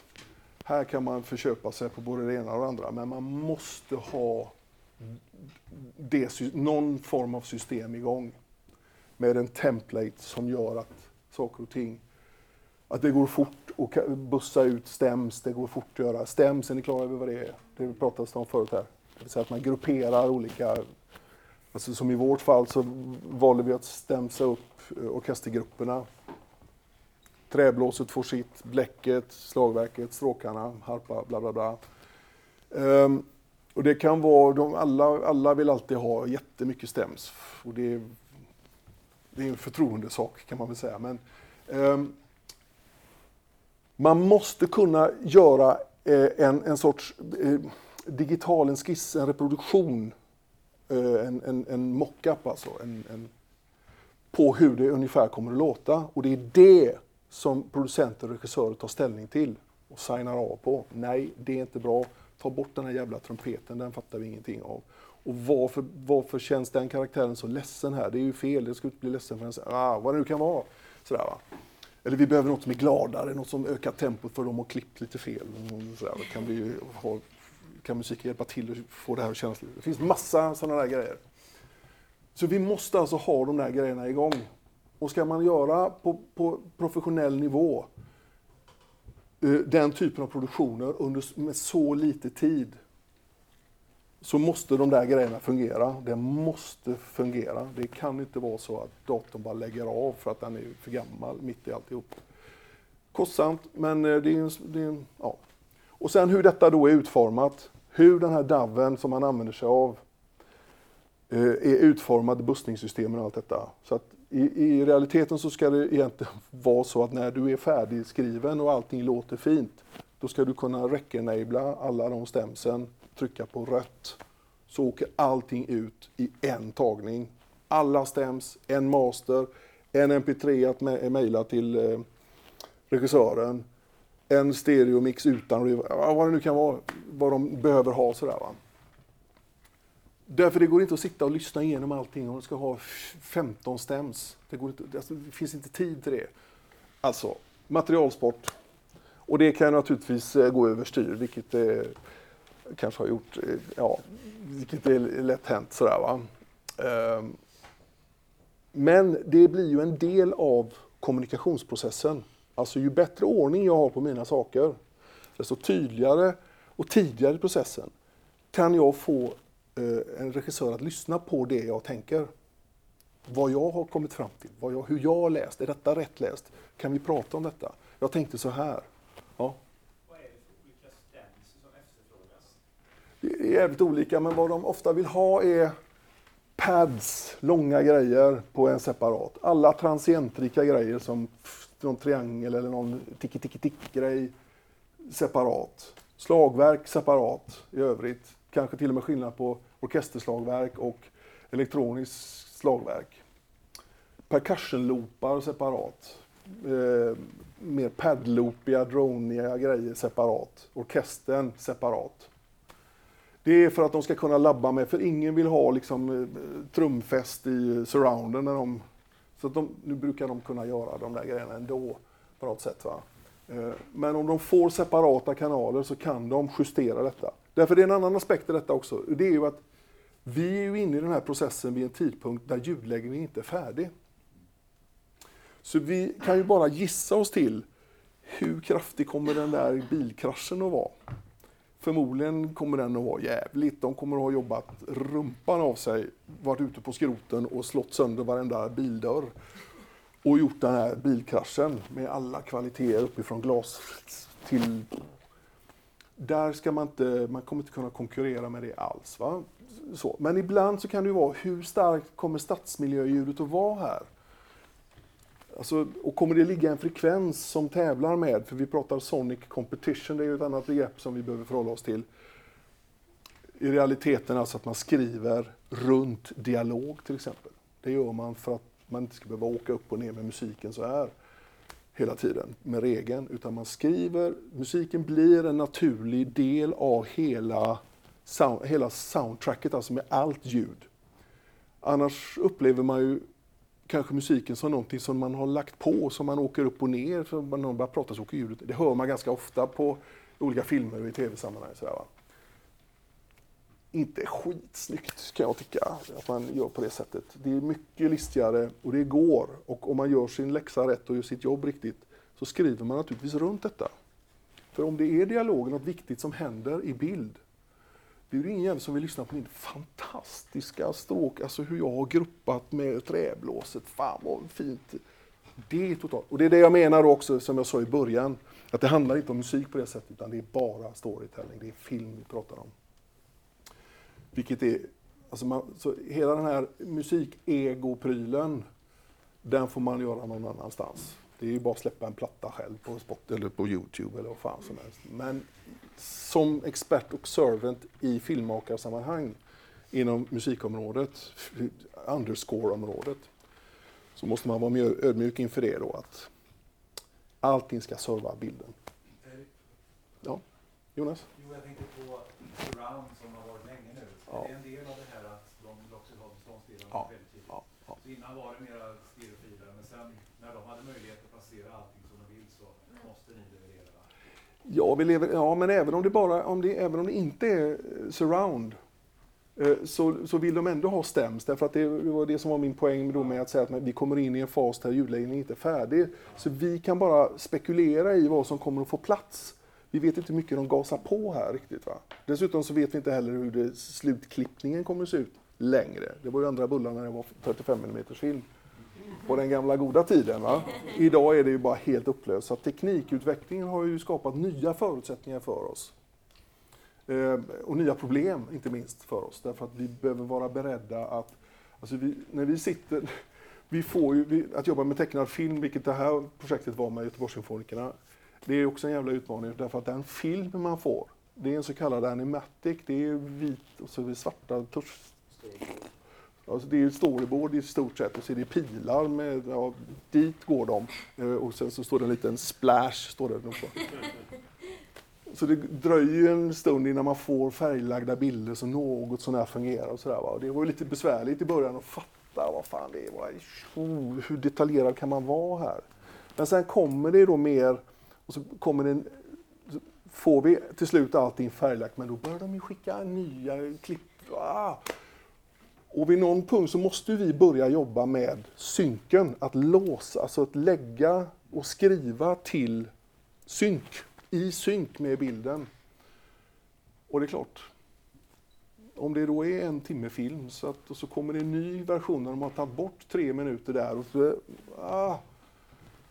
Och då är det just, eh, jag ska bara, ehm, då blir det återigen viktigt, eftersom man är, jobbar under tidspress, att just Eh, de här digitala systemen som man själv jobbar i, att, de är, att man kan dem. Och att det, det de är utvecklat på ett sätt som gör det enkelt att flytta. Och att man kan göra de här redigeringarna som krävs vid en ny version, klippt version av filmen. Att man kan göra det i olika stadier. Det kanske går att lösa detta genom att bara klippa i stämsen faktiskt. Eller också kanske man kan ta bort en stäm helt. Så, sådär va. Eller också får man gå till nästa steg. Och i värsta fall får man börja skriva om och då är det upp med midit igen. Och då är man ju liksom och det vet ju alla som håller på med midi hur jävla bra system man än har där. Så att när man öppnar midi det, ja, det låter nästan likadant som det gjorde från början. Och har man då som vi har i de här jävla templatarna hundratals tracks, för det är ju så, det är så mycket spår, helt i onödan naturligtvis, så är det ganska besvärligt att, att, att navigera i det där i midit. Va? Man glömmer alltid av att det är något, någon eh, funktion man utelämnar, glömmer. Liksom sådär, va? Ja, Tovar. Det vore kul om du hann säga lite hur du jobbar med en scen. Eh, Ja. där. Ja, ska vi dra? Vad är... Just det. Det här att läsa film nu då, jag ska dra detta jävligt kort. Fan, nu rinner tiden iväg här. Fan, jag pratar för mycket igen. Jobbigt. Att läsa en film då, alltså man definierar början, mitten och slutet, startpunkten. Men sen så börjar, måste man då börja bryta ner även sträckan från starten till mitten på något sätt. Det finns ett antal poster däremellan som man behöver förhålla sig till. För vi, de måste, och sen så gör man ju då via Spotting så är det ju ett antal cuer som, där det ska vara musik på resan från starten upp till mitten. Någonstans emellan mitten och start, eller starten och mitten, så är det en punkt. Helt plötsligt så är det ytterligare en punkt som har en sorts värde. Och sen så emellan, så helt plötsligt, så, så småningom kommer man ju ner nästan på frame-nivå. Där man kan börja skulptera cuerna på ett sätt Därför man har de dramatiska punkterna hela tiden definierade i den här timelinen. Och eh, det är mm, kvart över va? Eller? Ja, låt inte så tveksam nu, så- säg bara ja eller nej. Det står bara kvart över, så det hinner jag kanske visa den där. Den ja, precis. Um, alltså hur... Om man tar en scen. Man tar en scen. Det här är, en, en, eh, det här är ju en scen då ifrån en film. Jag är inte säker på att jag får visa denna egentligen, för jag har skrivit på ett confidentiality agreement om att jag inte får visa detta. Men detta är ju en utbildningssituation, eller hur? Ja. Ja. ja. Så ni har inte sett detta egentligen då? Ja. Precis. Ja. Eh, det här är då en... en eh, eh, jag skulle vilja spela upp den här sekvensen, är, vad är den, två minuter lång eller något sånt där va? Utan musik men med dialog och alla ljud och sånt till. Sen pratar så uppmanar jag er att försöka då eh, slå på er bildgehör. Det är en annan grej. Vi som kommer från musikhållet är så bra på det här med gehör. Vi spelar på örat liksom. Vi hör en låt en gång och sen så, ja, visst. Men vi är inte riktigt lika tränade på att göra samma grej med ögat. Och som filmarbetare då, som vi som filmkomponister ändå är, filmkompositörer ändå är, eh, så måste vi träna upp detta. Att se, när kommer, vilken ordning kommer scenerna här nu? När skedde detta? och sådär, va? Så det, får man liksom, det kan man öva på. Eh, ni kan ju tänka på det nu när ni tittar på detta då, för den här består, den här scenen, två minuter lång, eller scenen, den här cuen, eh, består av ett antal element, sådär, antal scener. Barlow? So witnesses identified a pair of men fitting Weston and Frost's description. leaving this location together. We pulled it off. Weston is aiding and abetting a fugitive. You're wrong. He's with Frost. He's taking him to the safe house. That's where we gotta be. Fine. Fine. Meet me at the crossroad at Old Mamsbury Road.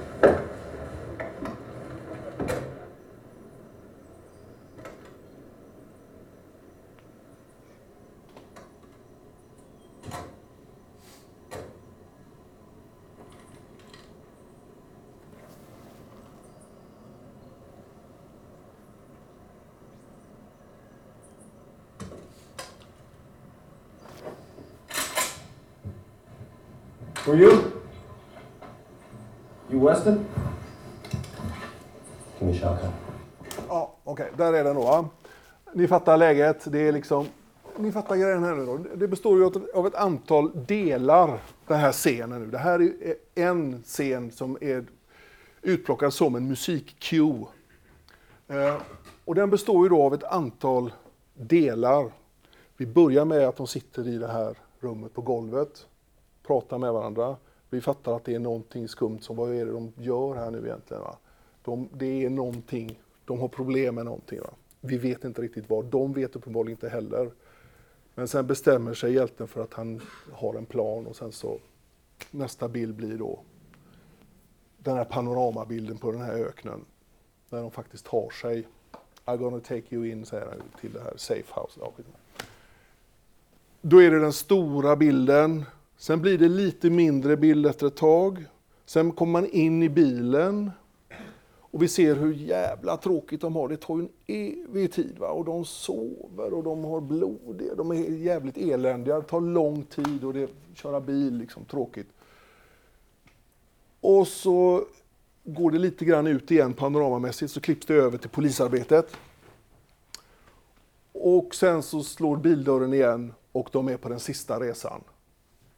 Nu går de fram till Safe House. De vet inte riktigt vad som väntar dem där. Pickadollen kommer fram naturligtvis. Och sen kommer Joel Kinnaman då med sin shotgun och sen så fixar de till det. Så ni fattar den här bågen. Detta var en eh, 20 minuter tog det att göra detta. Ehm, och anledningen till att det kunde ta bara 20 minuter att göra är att jag har brutit ner filmen på det här sättet. Ni ser de här streamers and punches som kommer över, det var inte meningen att ni skulle se dem egentligen. Men, men det är mitt sätt då att bara ha gjort en uppdelning ungefär. Och så har jag bestämt mig för vilken, vilket mod är det som kanske inte i första hand syns i bilderna utan som leder det framåt och som skapar och fördjupar den här utsattheten som de här två personerna, bla bla bla. Sådär, va? Och så har jag gjort detta då i olika, samtidigt som det ska ha en början, mitten och ett slut. Det ska handla om hela filmen i den meningen att det ska hålla ihop den här världen. Jag hade en liten stråkensemble att skriva för, eh, och, men det sket jag i, så det här är min mockup gjord på den här maskinen då bara. Va? Men det är inte det viktiga, det viktiga är nu hur man att pointen med att jag visar detta, eh, det är att koppla läsningen till film, filmläsningen till hur man gör musik av det, om ni förstår vad jag menar. För vad är det man gör? Hur ska jag komma fram? Vilka toner ska jag spela? Vad är det som... För, kan ni tänka er ungefär vad det är? För ni har, ni har sagt stråkar, men har ni någon uppfattning om... Om ni skulle skriva musik till detta, hur, vad börjar man då liksom? Det är en retorisk fråga, ni behöver inte svara, men eh, så. Eh, ska jag spela upp det, det här lilla trudelutten som det, det blev så här då? Det kan vi ha synpunkter, vi kan prata om det sen. Thank you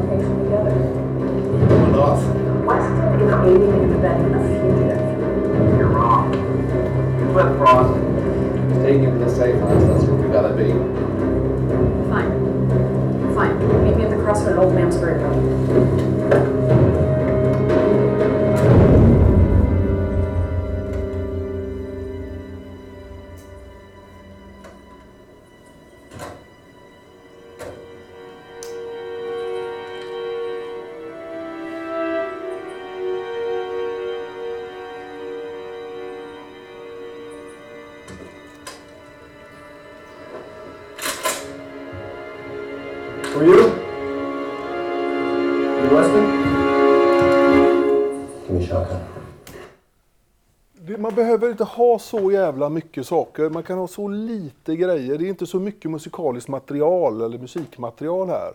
Utan just uppdelningen och läsningen av sekvensen och ge, ge dem liksom någon sorts karaktär inom ramen för den, det instrumentala, den tonvärld man på något sätt har i sin research och development-fas på något sätt har bestämt sig för att, att, eh, att utveckla. Eh, men också då, en av poängerna med detta är då dels läsningen. Och gör man det på rätt sätt så skriver det sig själv nästan. Va? Det låter ju helt galet, men det gör fan med det. Om man gör rätt. För du, hela research and development-fasen handlar om att ge dig en sorteringsfunktion. Inom, alltså, välja bort. Det är inte längre i all världens musikmöjligheter som du ska bara äh, hitta något. Utan vi, om jag bestämmer mig för detta, okej jag kan inte ha det. Ja, bra, då är det borta. Det går inte med en stor jävla Brucknerorkester med dubbelkör här. Vi skiter i det. Bra, väck med det. Kanske dragspel, är det bra eller? Det kan, ja, vi lägger det på idéhyllan här ihop med en stråkkvartett kanske. Ja, okej, men det är ett litet... Och så resonerar man sig, till slut så är man ju framme vid en punkt där man helt plötsligt kan börja Eh, det är många som jag Tänk på Christopher Young som sitter och tittar på TV. Och då gör han när det är liksom jävligt farligt. Är det. Gör han så va? Och sen så blir det...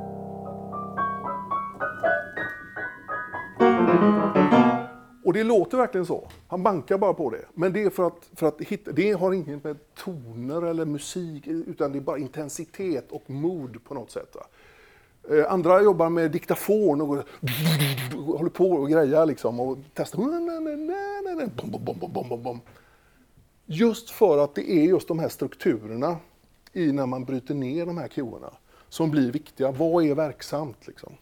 Och det finns så många olika tekniker för detta, eller sätt att göra det på. Man kan säkert hitta sitt eget. Men det viktiga är då att konstatera att det egentligen behövs det så jävla lite. Va? Det är rookie-fel nummer ett. Man skriver för mycket. Och det, det är en sån där... Eh, ska jag bara se så jag inte sticker bort borta. Jag har några minuter kvar.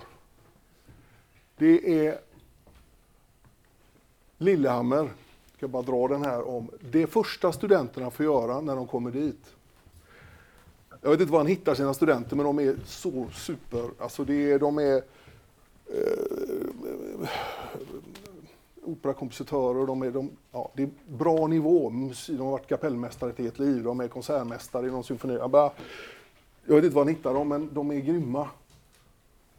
Första uppgiften de får när de kommer dit, det är att de får en film, en, kort, alltså en dokumentär som är på, vad är den, 10 minuter, en kvart, eller en, Guds menighet.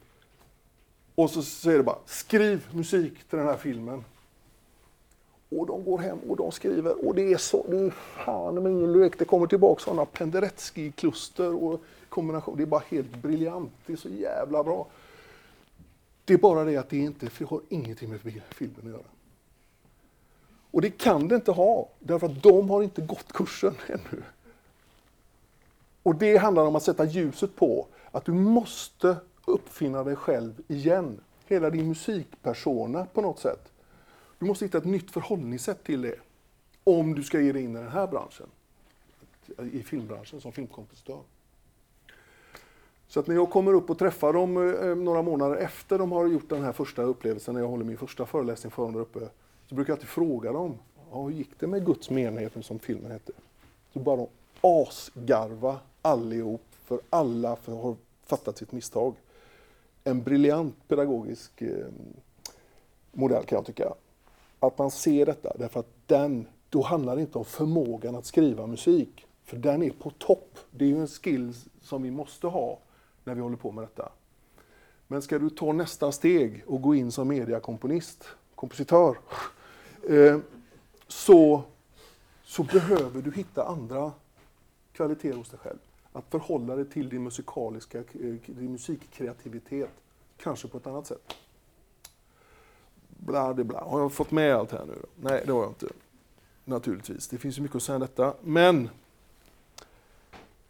ska vi ta de sista minuterna bara för frågor kring det här, det som jag har pratat om? Ja? Jag är lite nyfiken på, arbetsprocess. Ja? Eh, vad förhåller du dig på samma sätt som en långfilm eller med kortfilm till exempel?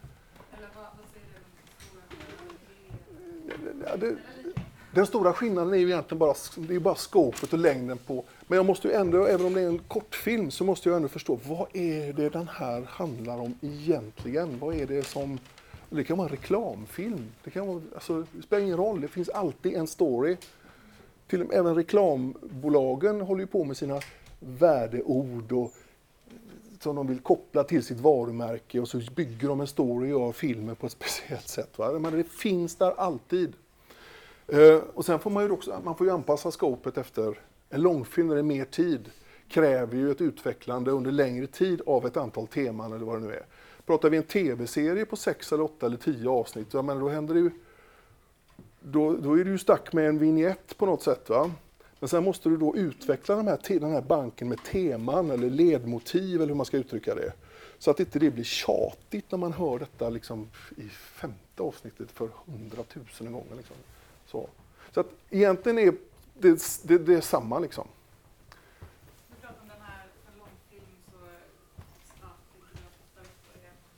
Ja, Ja, ja, ja, ja. Om man vågar, ja. Mm.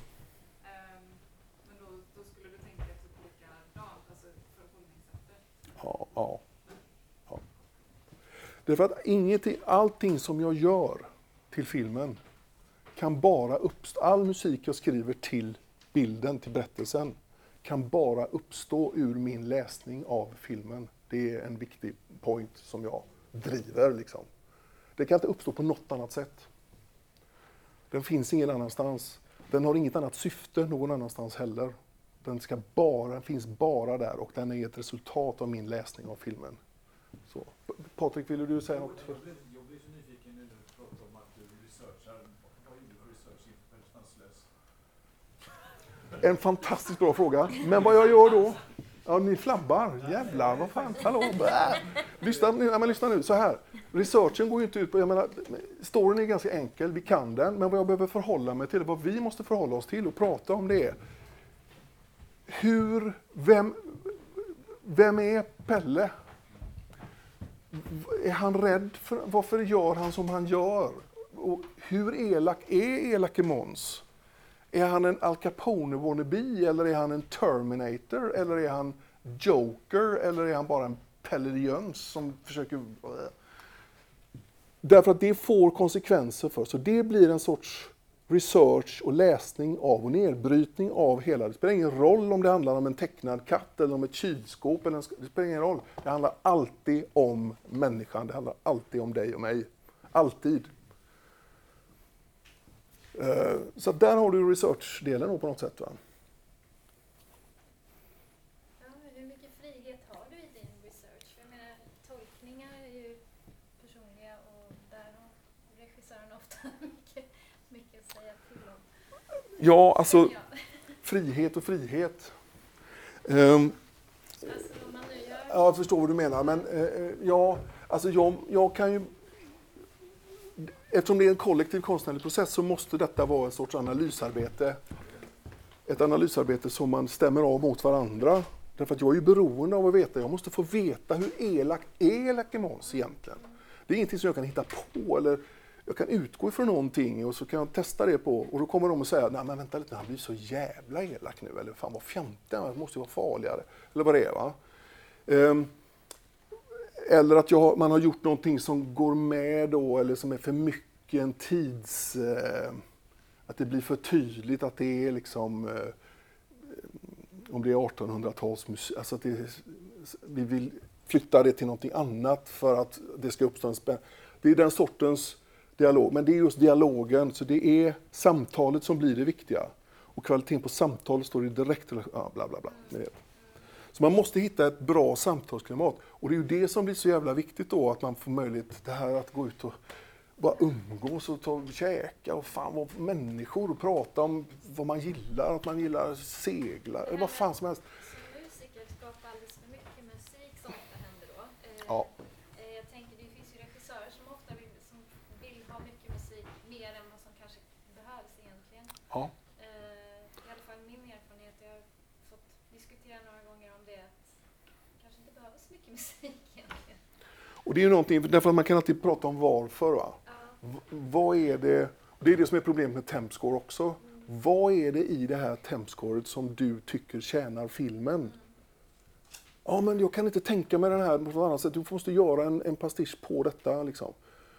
Och då är det, ja, jag kan göra det, men vad är det i, i vad är det för kvaliteter i musiken som, som, som får dig att ticka?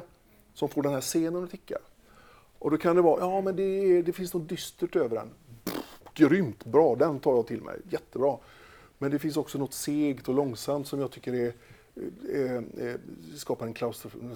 Jag vill aldrig höra en regissör prata om oboer och minimogar. Liksom. Det är för mig helt, eller tonarter eller olika sådär va. Prata drama, för jag gör film. Det, ja, men det är en sån här grej. Och det kan vara svårt att ha en sånt förtroende och säga till en regissör, för att en regissör vill också äga produktionen. Så. Och vill, vill också ofta markera, man kommer in ny, markera du jag kan minsann musik jag med. Va? Ja, eller en frustrerad regissör. Ja, om regissören är en frustrerad musiker, ja naturligtvis. Ja, absolut. Vilket inte är helt... Därför att alla har en relation till musik, det gäller att komma ihåg det. Alla har en relation till musik och det är någonting väldigt personligt ofta. Jag bara tänker på, du var lite inne på tv-serier jättekort nyss. Mm. Men, eh, för det tar ju liksom över mer och mer Mm, yes. i ja, filmbranschen. Eller Ja så ja. filmbranschen Ja. försvinner nästan nu till tv-serier. Ja. Eller ja, inte, ja, streamserier. Ja, Men, eh, absolut. Eh, och av skäl så har ju serier ofta lite, jag vet inte om man kan säga, ja, men, ja, musik av liksom glesare och lite, ja, inte lika genomgående kanske som en film ofta kanske har. Eh, Nej. Mm. Eh, upplever jag i alla fall Ja, okej. spontant. Men jag vet inte om det är så. Eller så här, hur skiljer sig processerna och hur hanterar man att det är typ 20 timmar istället för Ja, det är de här bågarna man måste, man måste fundera över att man måste förnya sig på rätt sätt, ofta i relation till karaktärernas utveckling och de har ju så långa tidsperspektiv på sig att utveckla sig på något sätt. Och där är det bra om musiken följer med i detta utan att man lämnar det som blir eh, signifikant för eh, Eh, det som gör att musiken håller ihop den här världen. Man kan inte lämna den, va? men den kan få utveckla sig naturligtvis. Sen menar jag att det, det kanske inte är så jävla mycket mindre musik i, i tv-serier längre heller. Eh, det är bara det att det går så jävla mycket fortare i tv-produktionssammanhang. Deadlinesen är bara helt galna. Så du får jobba i överlapp med kanske tre episoder samtidigt. Och det, det, det ska gå så jävla fort. Va? Och jag, jag, jag har faktiskt jag har på två veckor levererat, slutlevererat 40 minuter orkester. Score, inte inspelat riktigt då, men till en sån deckarstänkare. Det går bara om man har sina om man har chopsen uppe och sina system igång på något sätt. Va? Men det, behö, det, går, så- för det går så jävla fort. Men det är inte mindre musik egentligen menar jag i tv-serier, utan de blir mer och mer lika film. Men de utnyttjar det här långa formatet, berättarformatet, vilket är så här. Jag tror att du, vad du, vill du säga någonting? Ja, det var också en fråga. Ja. Eh, Ska jag ta den? Ja, gör det. Ja, jag tänkte på, för min klass hade föreläsning med dig häromdagen. Ja. Då pratade vi lite om det här med eh, att när man gör musik tecknat Mm. så kan man till exempel ta ut svängarna lite Ja. mer och så. Och det tyckte jag var väldigt eh, intressant att höra Ja. om ni har liksom någon eh, input från det ni gjorde nu. Alltså Ja. som ni inte hade kunnat göra i... Ja, Ah, inte riktigt så kanske, men, men det är mer tillåtande därför att om man skulle göra ett syntscore på en syntetiser, redan syntetiserad bild, det blir mycket synt. va. Man behöver ha någon, nej, men man måste ha, därför att är det, är det, hur kast fotot än är så är det riktiga, är det otecknat så att säga, som barnen kallar vanlig film för. Så eh, då, då är det ju ändå grainy och man ser att det är på riktigt, det är verklighet. Tecknat, det är, och det är ju inte teck, det är vi snackar inte Lejonkungen tecknat nu, 2019 års version av Lejonkungen. Det är inte, utan det här är ju sån Disney, gammal Disney-style på det, va? 2D. Så där kände vi också då, det är därför de ville ha orkester. Därför att de, de behöver tillföra någon sorts mänskligt element på något sätt. I, i. Men man kan ta ut svängarna, men det, det är just där det är då att du kan, både för att det är tecknat men också att det är en barnfilm på något sätt, eh, att man, man kan vara mycket tydligare, man kan ta ut svängarna, man kan vara mycket, mycket mer dramatisk på något sätt. Vilket, jag, vilket har varit fantastiskt kul att få, få skriva. Ja, En, kort juridisk fråga. ja vänta lite, får bara... Ja, han har vinkat länge. Eh, jag tänker om man ska skriva musik till en tv-serie Ja. eh, och så är den liksom inte, storyn inte klar, man har bara en episod att utgå ifrån och regissören verkar liksom inte ha någon tänkt fortsättning än. Låter som du är inne i en jobbig process. Hur, eh, hur tacklar man det? Hur kan man ens skriva betydelsefull musik om man inte själv vet vad den ska ha för roll och regissören inte vill svara på det? Liksom? Ja, den är jobbig. Men alltså, om du har någonting, du har ett manus eller du har en värld, du har en, en sorts, eh, kanske klipp eller film, ett första episod eller en, en vad kallar det, en pilot eller någon försök till vignett eller något sånt. Va? Där finns ju alltid någonting. Och det gäller att suga ut ur detta då. Vad är det detta handlar om? Därför att om en, är det en trailer eller om det är ett första pilotavsnitt så måste karaktärerna upp. Problematiken måste fram. Du måste hitta, fatta var de är någonstans. Och där, du får börja bryta ner det därifrån för att sen komma med förslag. Sen är det inte helt ovanligt att regissörer faktiskt inte vet vad det är för film de gör. Det är många, jag har hört det många gånger det här ja, eh, att eh, Fan, jag trodde det var en komedi vi gjorde. Så. Eh, alltså på, på riktigt att det har liksom varit lite oklart hur mycket thriller och hur mycket komedi det ändå är. Sådär. va. Och det blir ju ganska viktigt att veta. Minst sagt. Va? Men det finns alltid saker att dra ur det minsta material. Det är helt klart. Det gäller bara att veta hur. Och det är ju det jag har försökt berätta lite grann här. Ja. Ja, men. Bara det här med, när, som du då, när, man gör musik till en film eller någonting, då säljer man en produkt. Va? Eller, eller säljs det, bestäms det först efteråt hur lång tid musik det finns i den? Och hur funkar de? Och, och om man tycker att man har hittat någon tema som man skulle kunna själv tycka, ja, det måste man göra någonting annat med också. Då, då är det väl eh, filmbolaget eller de som, det är de som äger den, de, den musiken och tonerna och melodierna. Ja. Eh, Nej, jag vet inte riktigt. Om din fråga rör vem som äger vad, det är olika. Alltså som kompositör så äger vi upphovsrätten till det vi har gjort och förlaget i de flesta fall är det fortfarande möjligt att få behålla. Eh, Sen har filmbolaget rätten att exponera sin film med vår musik synkad till deras bilder.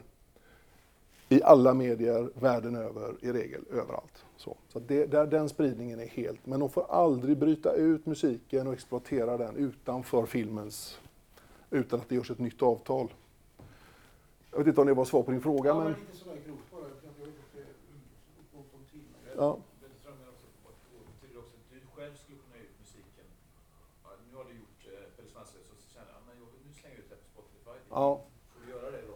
Ja, det, jag, jag måste prata... Vem som har de mekaniska rättigheterna. Ja, men det är ju det det handlar om då. Det är ju rättighetsgrejer. va. Och, men även om det är så att vi sitter på alla rättigheter till musiken, mekaniska som alltihop och synken, hela skiten, så är det det vi har.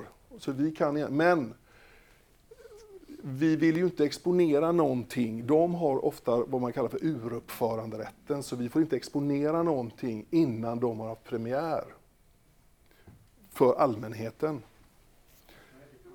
Ja, så det är en uruppförande rätt som de har. Den får man inte, där det åker man i finkan om man bryter mot det. Sen är det väl schysst då att man faktiskt för ett samtal om spridningen av just musikdelen ändå, kan jag tycka. Därför att den är, har ju uppstått i relation till hela det här filmprojektet på något sätt som är deras idé. Där vi har fått en uppgift att vara en del av det filmskapandet. Då blir det också schysst tycker jag att man för ett samtal kring om man ska exponera det. Därför att om vi släpper en platta Och man ställer frågan, hade det inte varit kul om vi släppte en platta på detta? Det blir ytterligare ett media där vi kan sprida den här produkten som ni kommer tjäna en jävla massa pengar på. Mycket mer än vad vi gör. Eh, så, så är de aldrig särskilt eh, motvilliga till det. Sådär, va? Men rättighets... Det, och det håller på att förändras nu apropå det som vi pratade om här lite tidigare då Eh, med Jukka. Att, att det händer grejer. Spelbranschen är ju så otroligt omogen i upphovsrättssammanhang. Eh, det har inte kommit lika långt där. Eh, de strukturerna ser helt annorlunda ut. Och det jobbas ganska hårt på att försöka hitta sätt att bygga avtalsstrukturer även inom den branschen. Och vi är som sagt utsatta från alla möjliga håll. Epidemics är ett av dem. Så, och jag, sitter med i den här mediakomponistgruppen på SKAP där vi pratar om de här sakerna varje gång vi träffas. Va? Där vi hela tiden uppfattar oss som ut, vi är utsatta för det dyker upp, det dyker upp nya affärsidéer hela tiden som syftar till att plocka förlaget.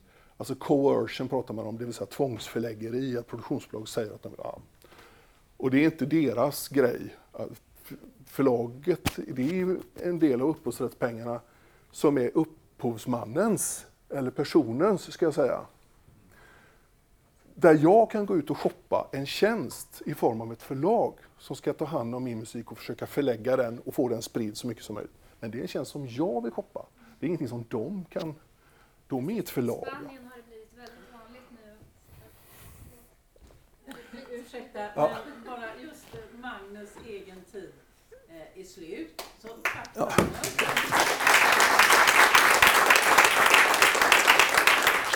Därmed inte sagt att ni inte eh, kan eh, sluta och fråga, men vi kan väl ta upp Jukka och Jonas också, för ni kanske har frågor som ni inte hann ställa till dem. Så har vi alla tre här, så är det Ja.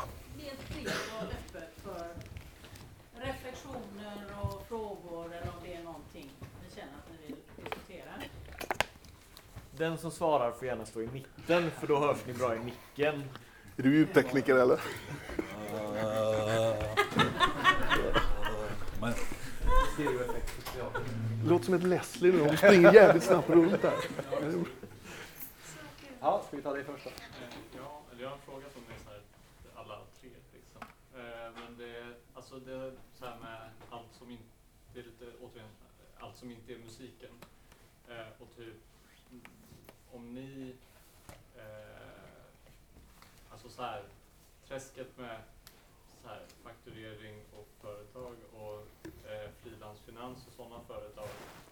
Och hur gör ni liksom? Och har ni, alltså har ni anlitat ett annat företag som fixar alla er, all er fakturering och för, alltså all er ekonomi kring det? Jag kan svara väldigt snabbt och enkelt. Det är att jag har haft liksom Live Nation som agentur och Live Nation är min arbetsgivare delvis som tar in fakturor och pengar åt mig och betalar ut en, en lön åt mig när jag vill ha lön. Så jag är en artist egentligen för, för dem på sätt och vis, kan man säga. Mm. Så, så för, för, har det fungerat för mig och det är ganska unikt tror jag för att det är just för att jag kommer från band och rockvärlden att jag hade det innan det anställningsförhållande hos dem som bandmedlem och turnera och betala ut lön och så här. Så, så har det fortsatt för min del och det är väldigt ovanligt tror jag. De har några andra som de jobbar med där också, som Fläskkvartetten till exempel, som, som skriver mycket musik till film och så här. Men, men kanske några andra som komponerar också, jag vet inte hur många de har men, men, men så har det fungerat för mig. Jag har aldrig gett mig in i det. Jag har gått på sån där starta företagskurs bara förra året så här och jag, jag bara kände att jag, det här är inte rätt tid i livet och jag ber mig in i det här. Men när min agent som jag jobbar med väldigt länge, som är äldre än mig, när han pensioneras, alltså då vet, då vet jag inte om jag vill börja jobba med en ny agent eller ta tag i det där själv. Men, men jag tycker verkligen att det, för mig personligen har det varit bra att undvika hela den där biten. Alltså jag, varit, jag, jag, jag, har, jag har inte saknat, jag kanske kunde haft mera pengar men jag hade haft mycket, mycket mera huvudbry. Det, det, det funkar bra för mig, men det finns ma- massa olika lösningar. Ja, för mig var det så att redan på 90-talet så skrek alla efter fakturer hela tiden och att de ville inte ha mina lönesystem. Och, eh, så att det var bara att bita på skaffa enskild firma, vilket jag har fortfarande. Och jag hoppas aldrig någonsin att min revisor går i pension. Nej. Det är mitt korta svar. Jag, tänker, jag tänker att jag ska svara ganska kort på detta, men, men inom just filmkompositionsvärlden så är det ju så här att man delar ofta upp. Antingen så är man kompositör Eller också så är man Head of Department. Man har flera roller. Man är också, eh, man är också VD för företaget som sysslar med sin egen, den egna, det egna varumärket. Sådär, va? Så man har ett antal funktioner som man behöver fundera kring. Det är det vi brukar prata om, det som är entreprenöriellt. Va? Det vill säga, man ska hålla ordning på de här jävla sakerna. Att vara Head of Department, det vill säga avdelningschef, blir det på ren svenska, handlar ju egentligen om att du är den som ser till att det finns möjligheter för folk, en assistent att ha något att klippa, att det finns en idé om att, detta, att man sköter eh, samtalen med eh, regissörer, man tar hand om kontraktsgrejerna, man behöver göra alla de grejerna. Men sen är man också kompositör. Och antingen så kan man då slå sig ihop och jobba med folk, att man gör tillsammans. Så att på det här projektet är det jag som är kompositör och du får vara min head of department. På nästa projekt så är det jag som går in och skäller på, på producenten och skriver avtalet och håller dig undan eh, den typen av samtal därför att du behöver ha en ren relation till en regissör för ni ska göra en film ihop. Liksom. Arbeta tillsammans är en, är en sån där grej som är skitbra. Och när det gäller att ta hand om sin ekonomi, ja, det finns väl anledning att studera det en smula för det kan man ju behöva göra ändå så att säga. Även om, så att man vet ungefär hur det är. Och starta en egen firma inga jävla konstigheter. Du kan skicka en faktura ändå. Eller, jag menar, men det är bra att lära sig någonting om just hur de sakerna fungerar. Därför att det kan snabbt bli ganska ugly ändå. Och ju mindre du vet, desto mer exponerad och utsatt för risken att bli blåst på olika sätt. Eller utnyttjad på olika sätt. Eh, Eller hur? Så att lära sig saker är bra. Tänker jag. Research. Ja, det här är en fråga till alla tre också. Eh, de sakerna som ni har gjort, eh, hur, hur mycket har det bara blivit för att ni har träffat någon som har, eh, har hamnat i det och hur mycket har ni liksom, så att säga, aktivt försökt skicka saker och liksom, eh, pitcha in saker och sådär? Jag kan ju svara på det snabbt, för det går väldigt fort. Jag har inte gjort någon, utan det har... Det, alla vägar in i den här branschen är helt olika, ser alltid helt olika ut. Att pitcha in ett jobb, det är så svårt att göra. Alltså det går inte att skicka demotejp, alltså det är inte den där, man skickar demotejp till ett skivbolag om man skulle få skivkort. Det går inte, utan det blir alltid på rekommendation, eller med att man har jobbat med någon tidigare, eller på att någon är en riktig risktagare i början och säger att jag skulle vilja testa dig, jag tror på att du kan göra detta. Och själv så är man liksom... Så. Men det där att man skickar demotejper, det, för mig har det aldrig liksom varit så. Det blir också intressant om man tänker på sociala medier, så som det funkar, hur man exponerar sig på Facebook och allting sånt. Där man presenterar någon sorts fiktiv bild av hur briljant man är. Det som inte alltid stämmer överens med faktiskt de saker man har, kan göra. Och sådär, va? Det ser vi en del exempel på. Därför så minskar trovärdigheten, förlåt.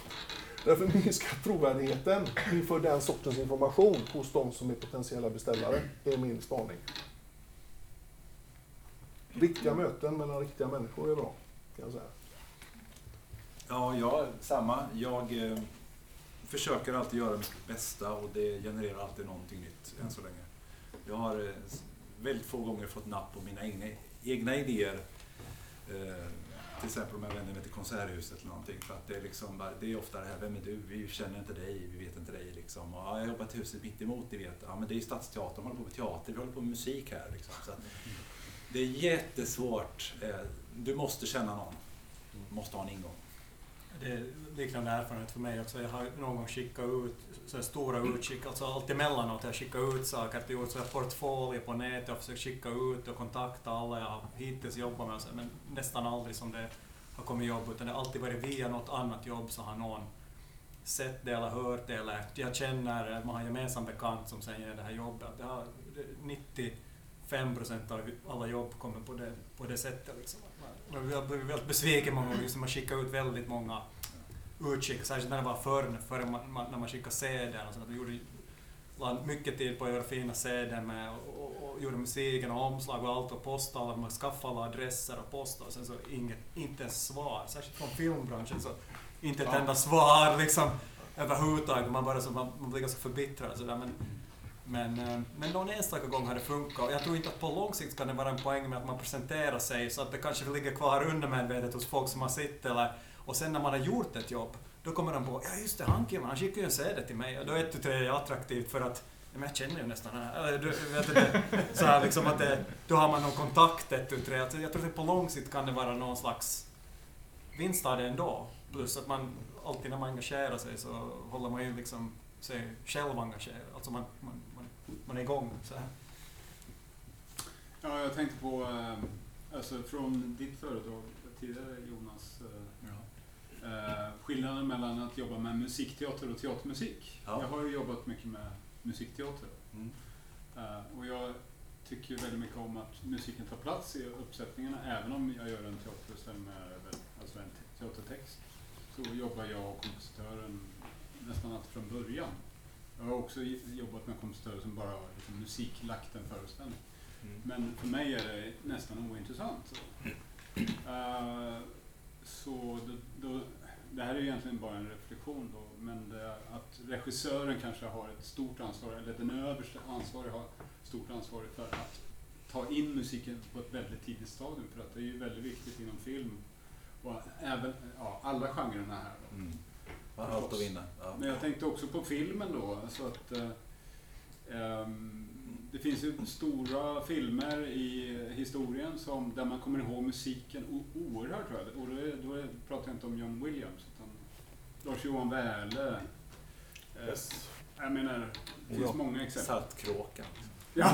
Nej men alltså det, ja. Eller Barnvagnarna, Bo, Bo Widerberg Ja. tänkte jag på. Liksom. Hur samarbetade Widerberg med den komponisten? Eller är det en komponist? Är det ett band? Jag minns inte. Men det är ju en väldigt bra början på filmen. Det, är- det, det är liksom det, ja. Några reflektioner kring det? Liksom, är det eller har ni redan sagt? Alltså vägarna är ju så, ursäkta jag bara bryter in här. Det är så många vägar in i, alltså alla de här samarbetena, de är ofta helt unika och de bygger på olika tillfälligheter. Ibland gör man si, ibland gör man så. Och det uppstår någon sorts dynamik mellan de här karaktärerna, alltså personligheterna hos, för det är ändå vi ska jobba tillsammans. Och vi har olika möjligheter då. Eh, och jag tänker, alltså Bergman och Sven Nykvist, eh, deras relation när det gäller fotot och allt detta, det är också en sån här grej som har följt med. Eller John Williams och Spielberg för den delen. Det finns ju Bernard Hörman, och- det finns ju många exempel på där det där har funkat på olika sätt. Men det är ändå helt olika eh, dynamik i det som uppstår sen. Va? Så att alla vägar in i de här processerna kan vara helt...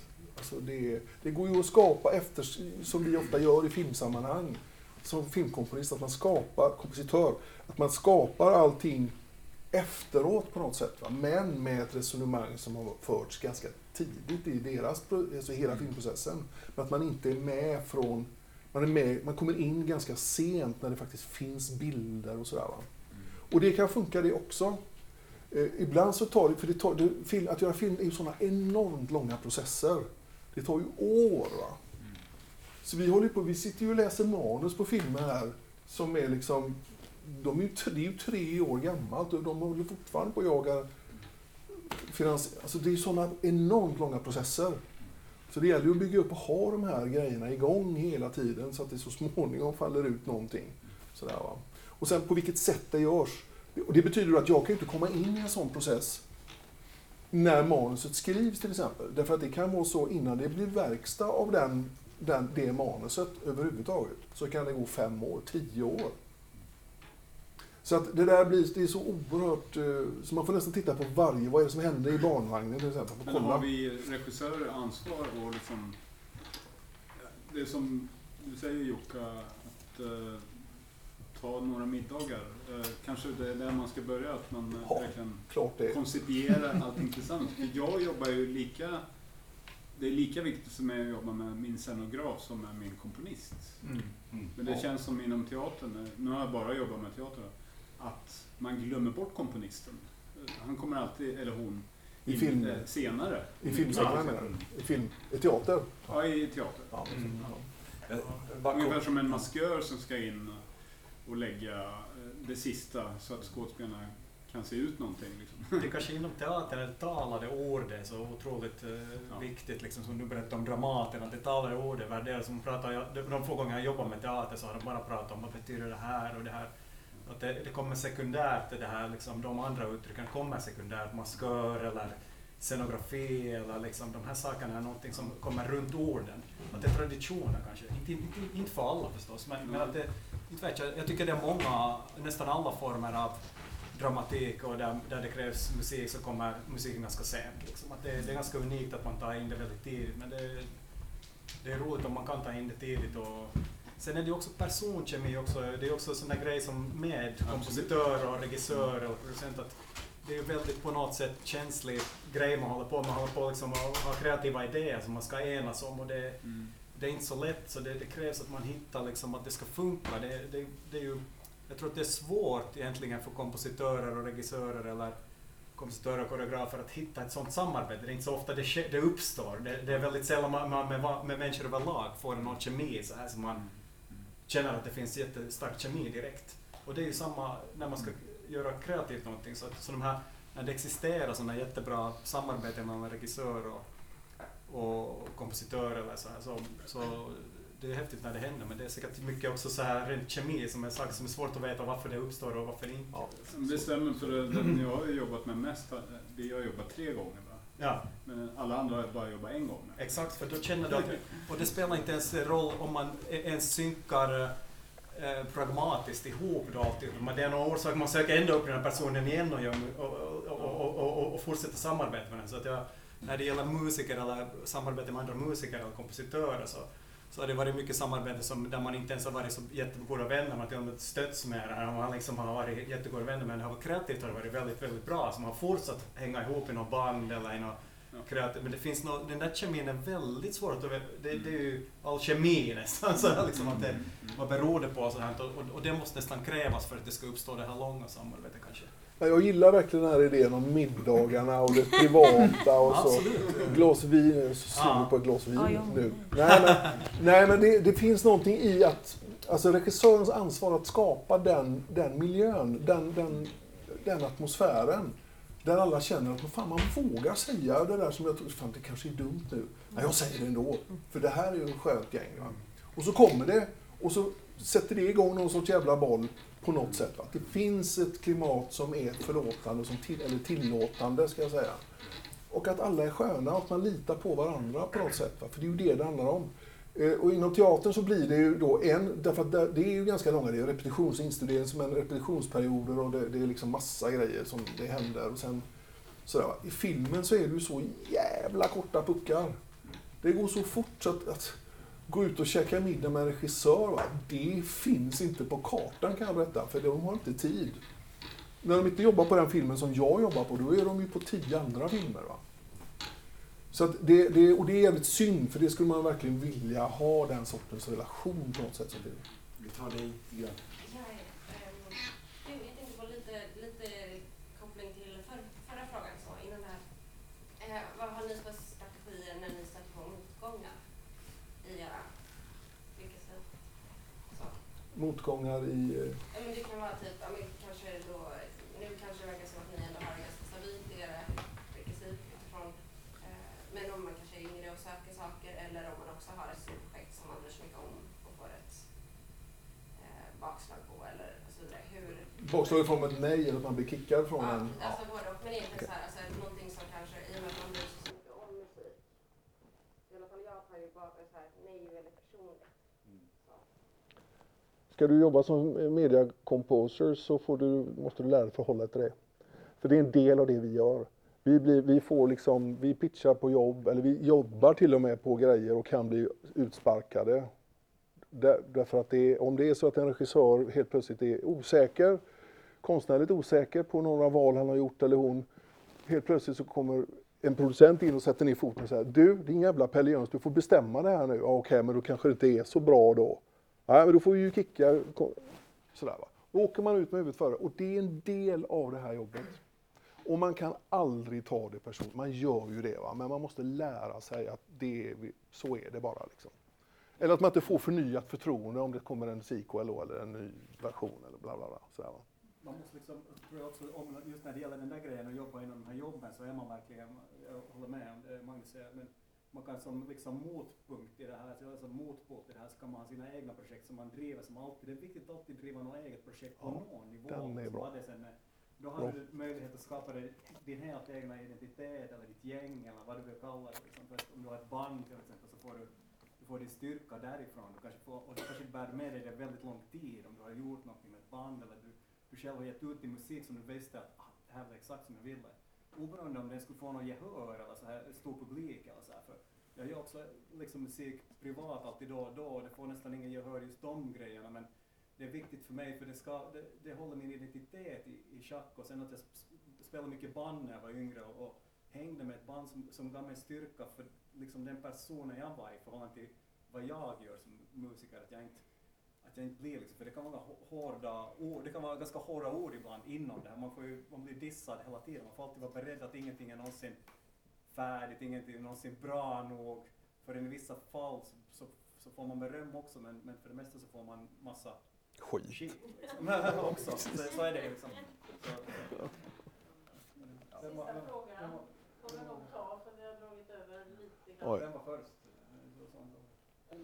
Du har inte frågat så mycket. Nej, jag har inte ställt någon fråga. Jag har en miljard frågor till er alla, men vi har från Magnus.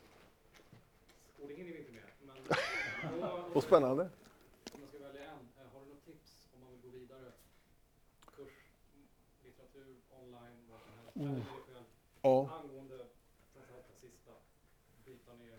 Bryta ner, ja. Den är inte så lätt att hitta va? men det är många som pratar om det och jag kan verkligen rekommendera det. Alltså man kan ju sätta sig i skolbänken naturligtvis, men Youtube är en fantastisk källa till, till kunskap om man vet hur man ska navigera.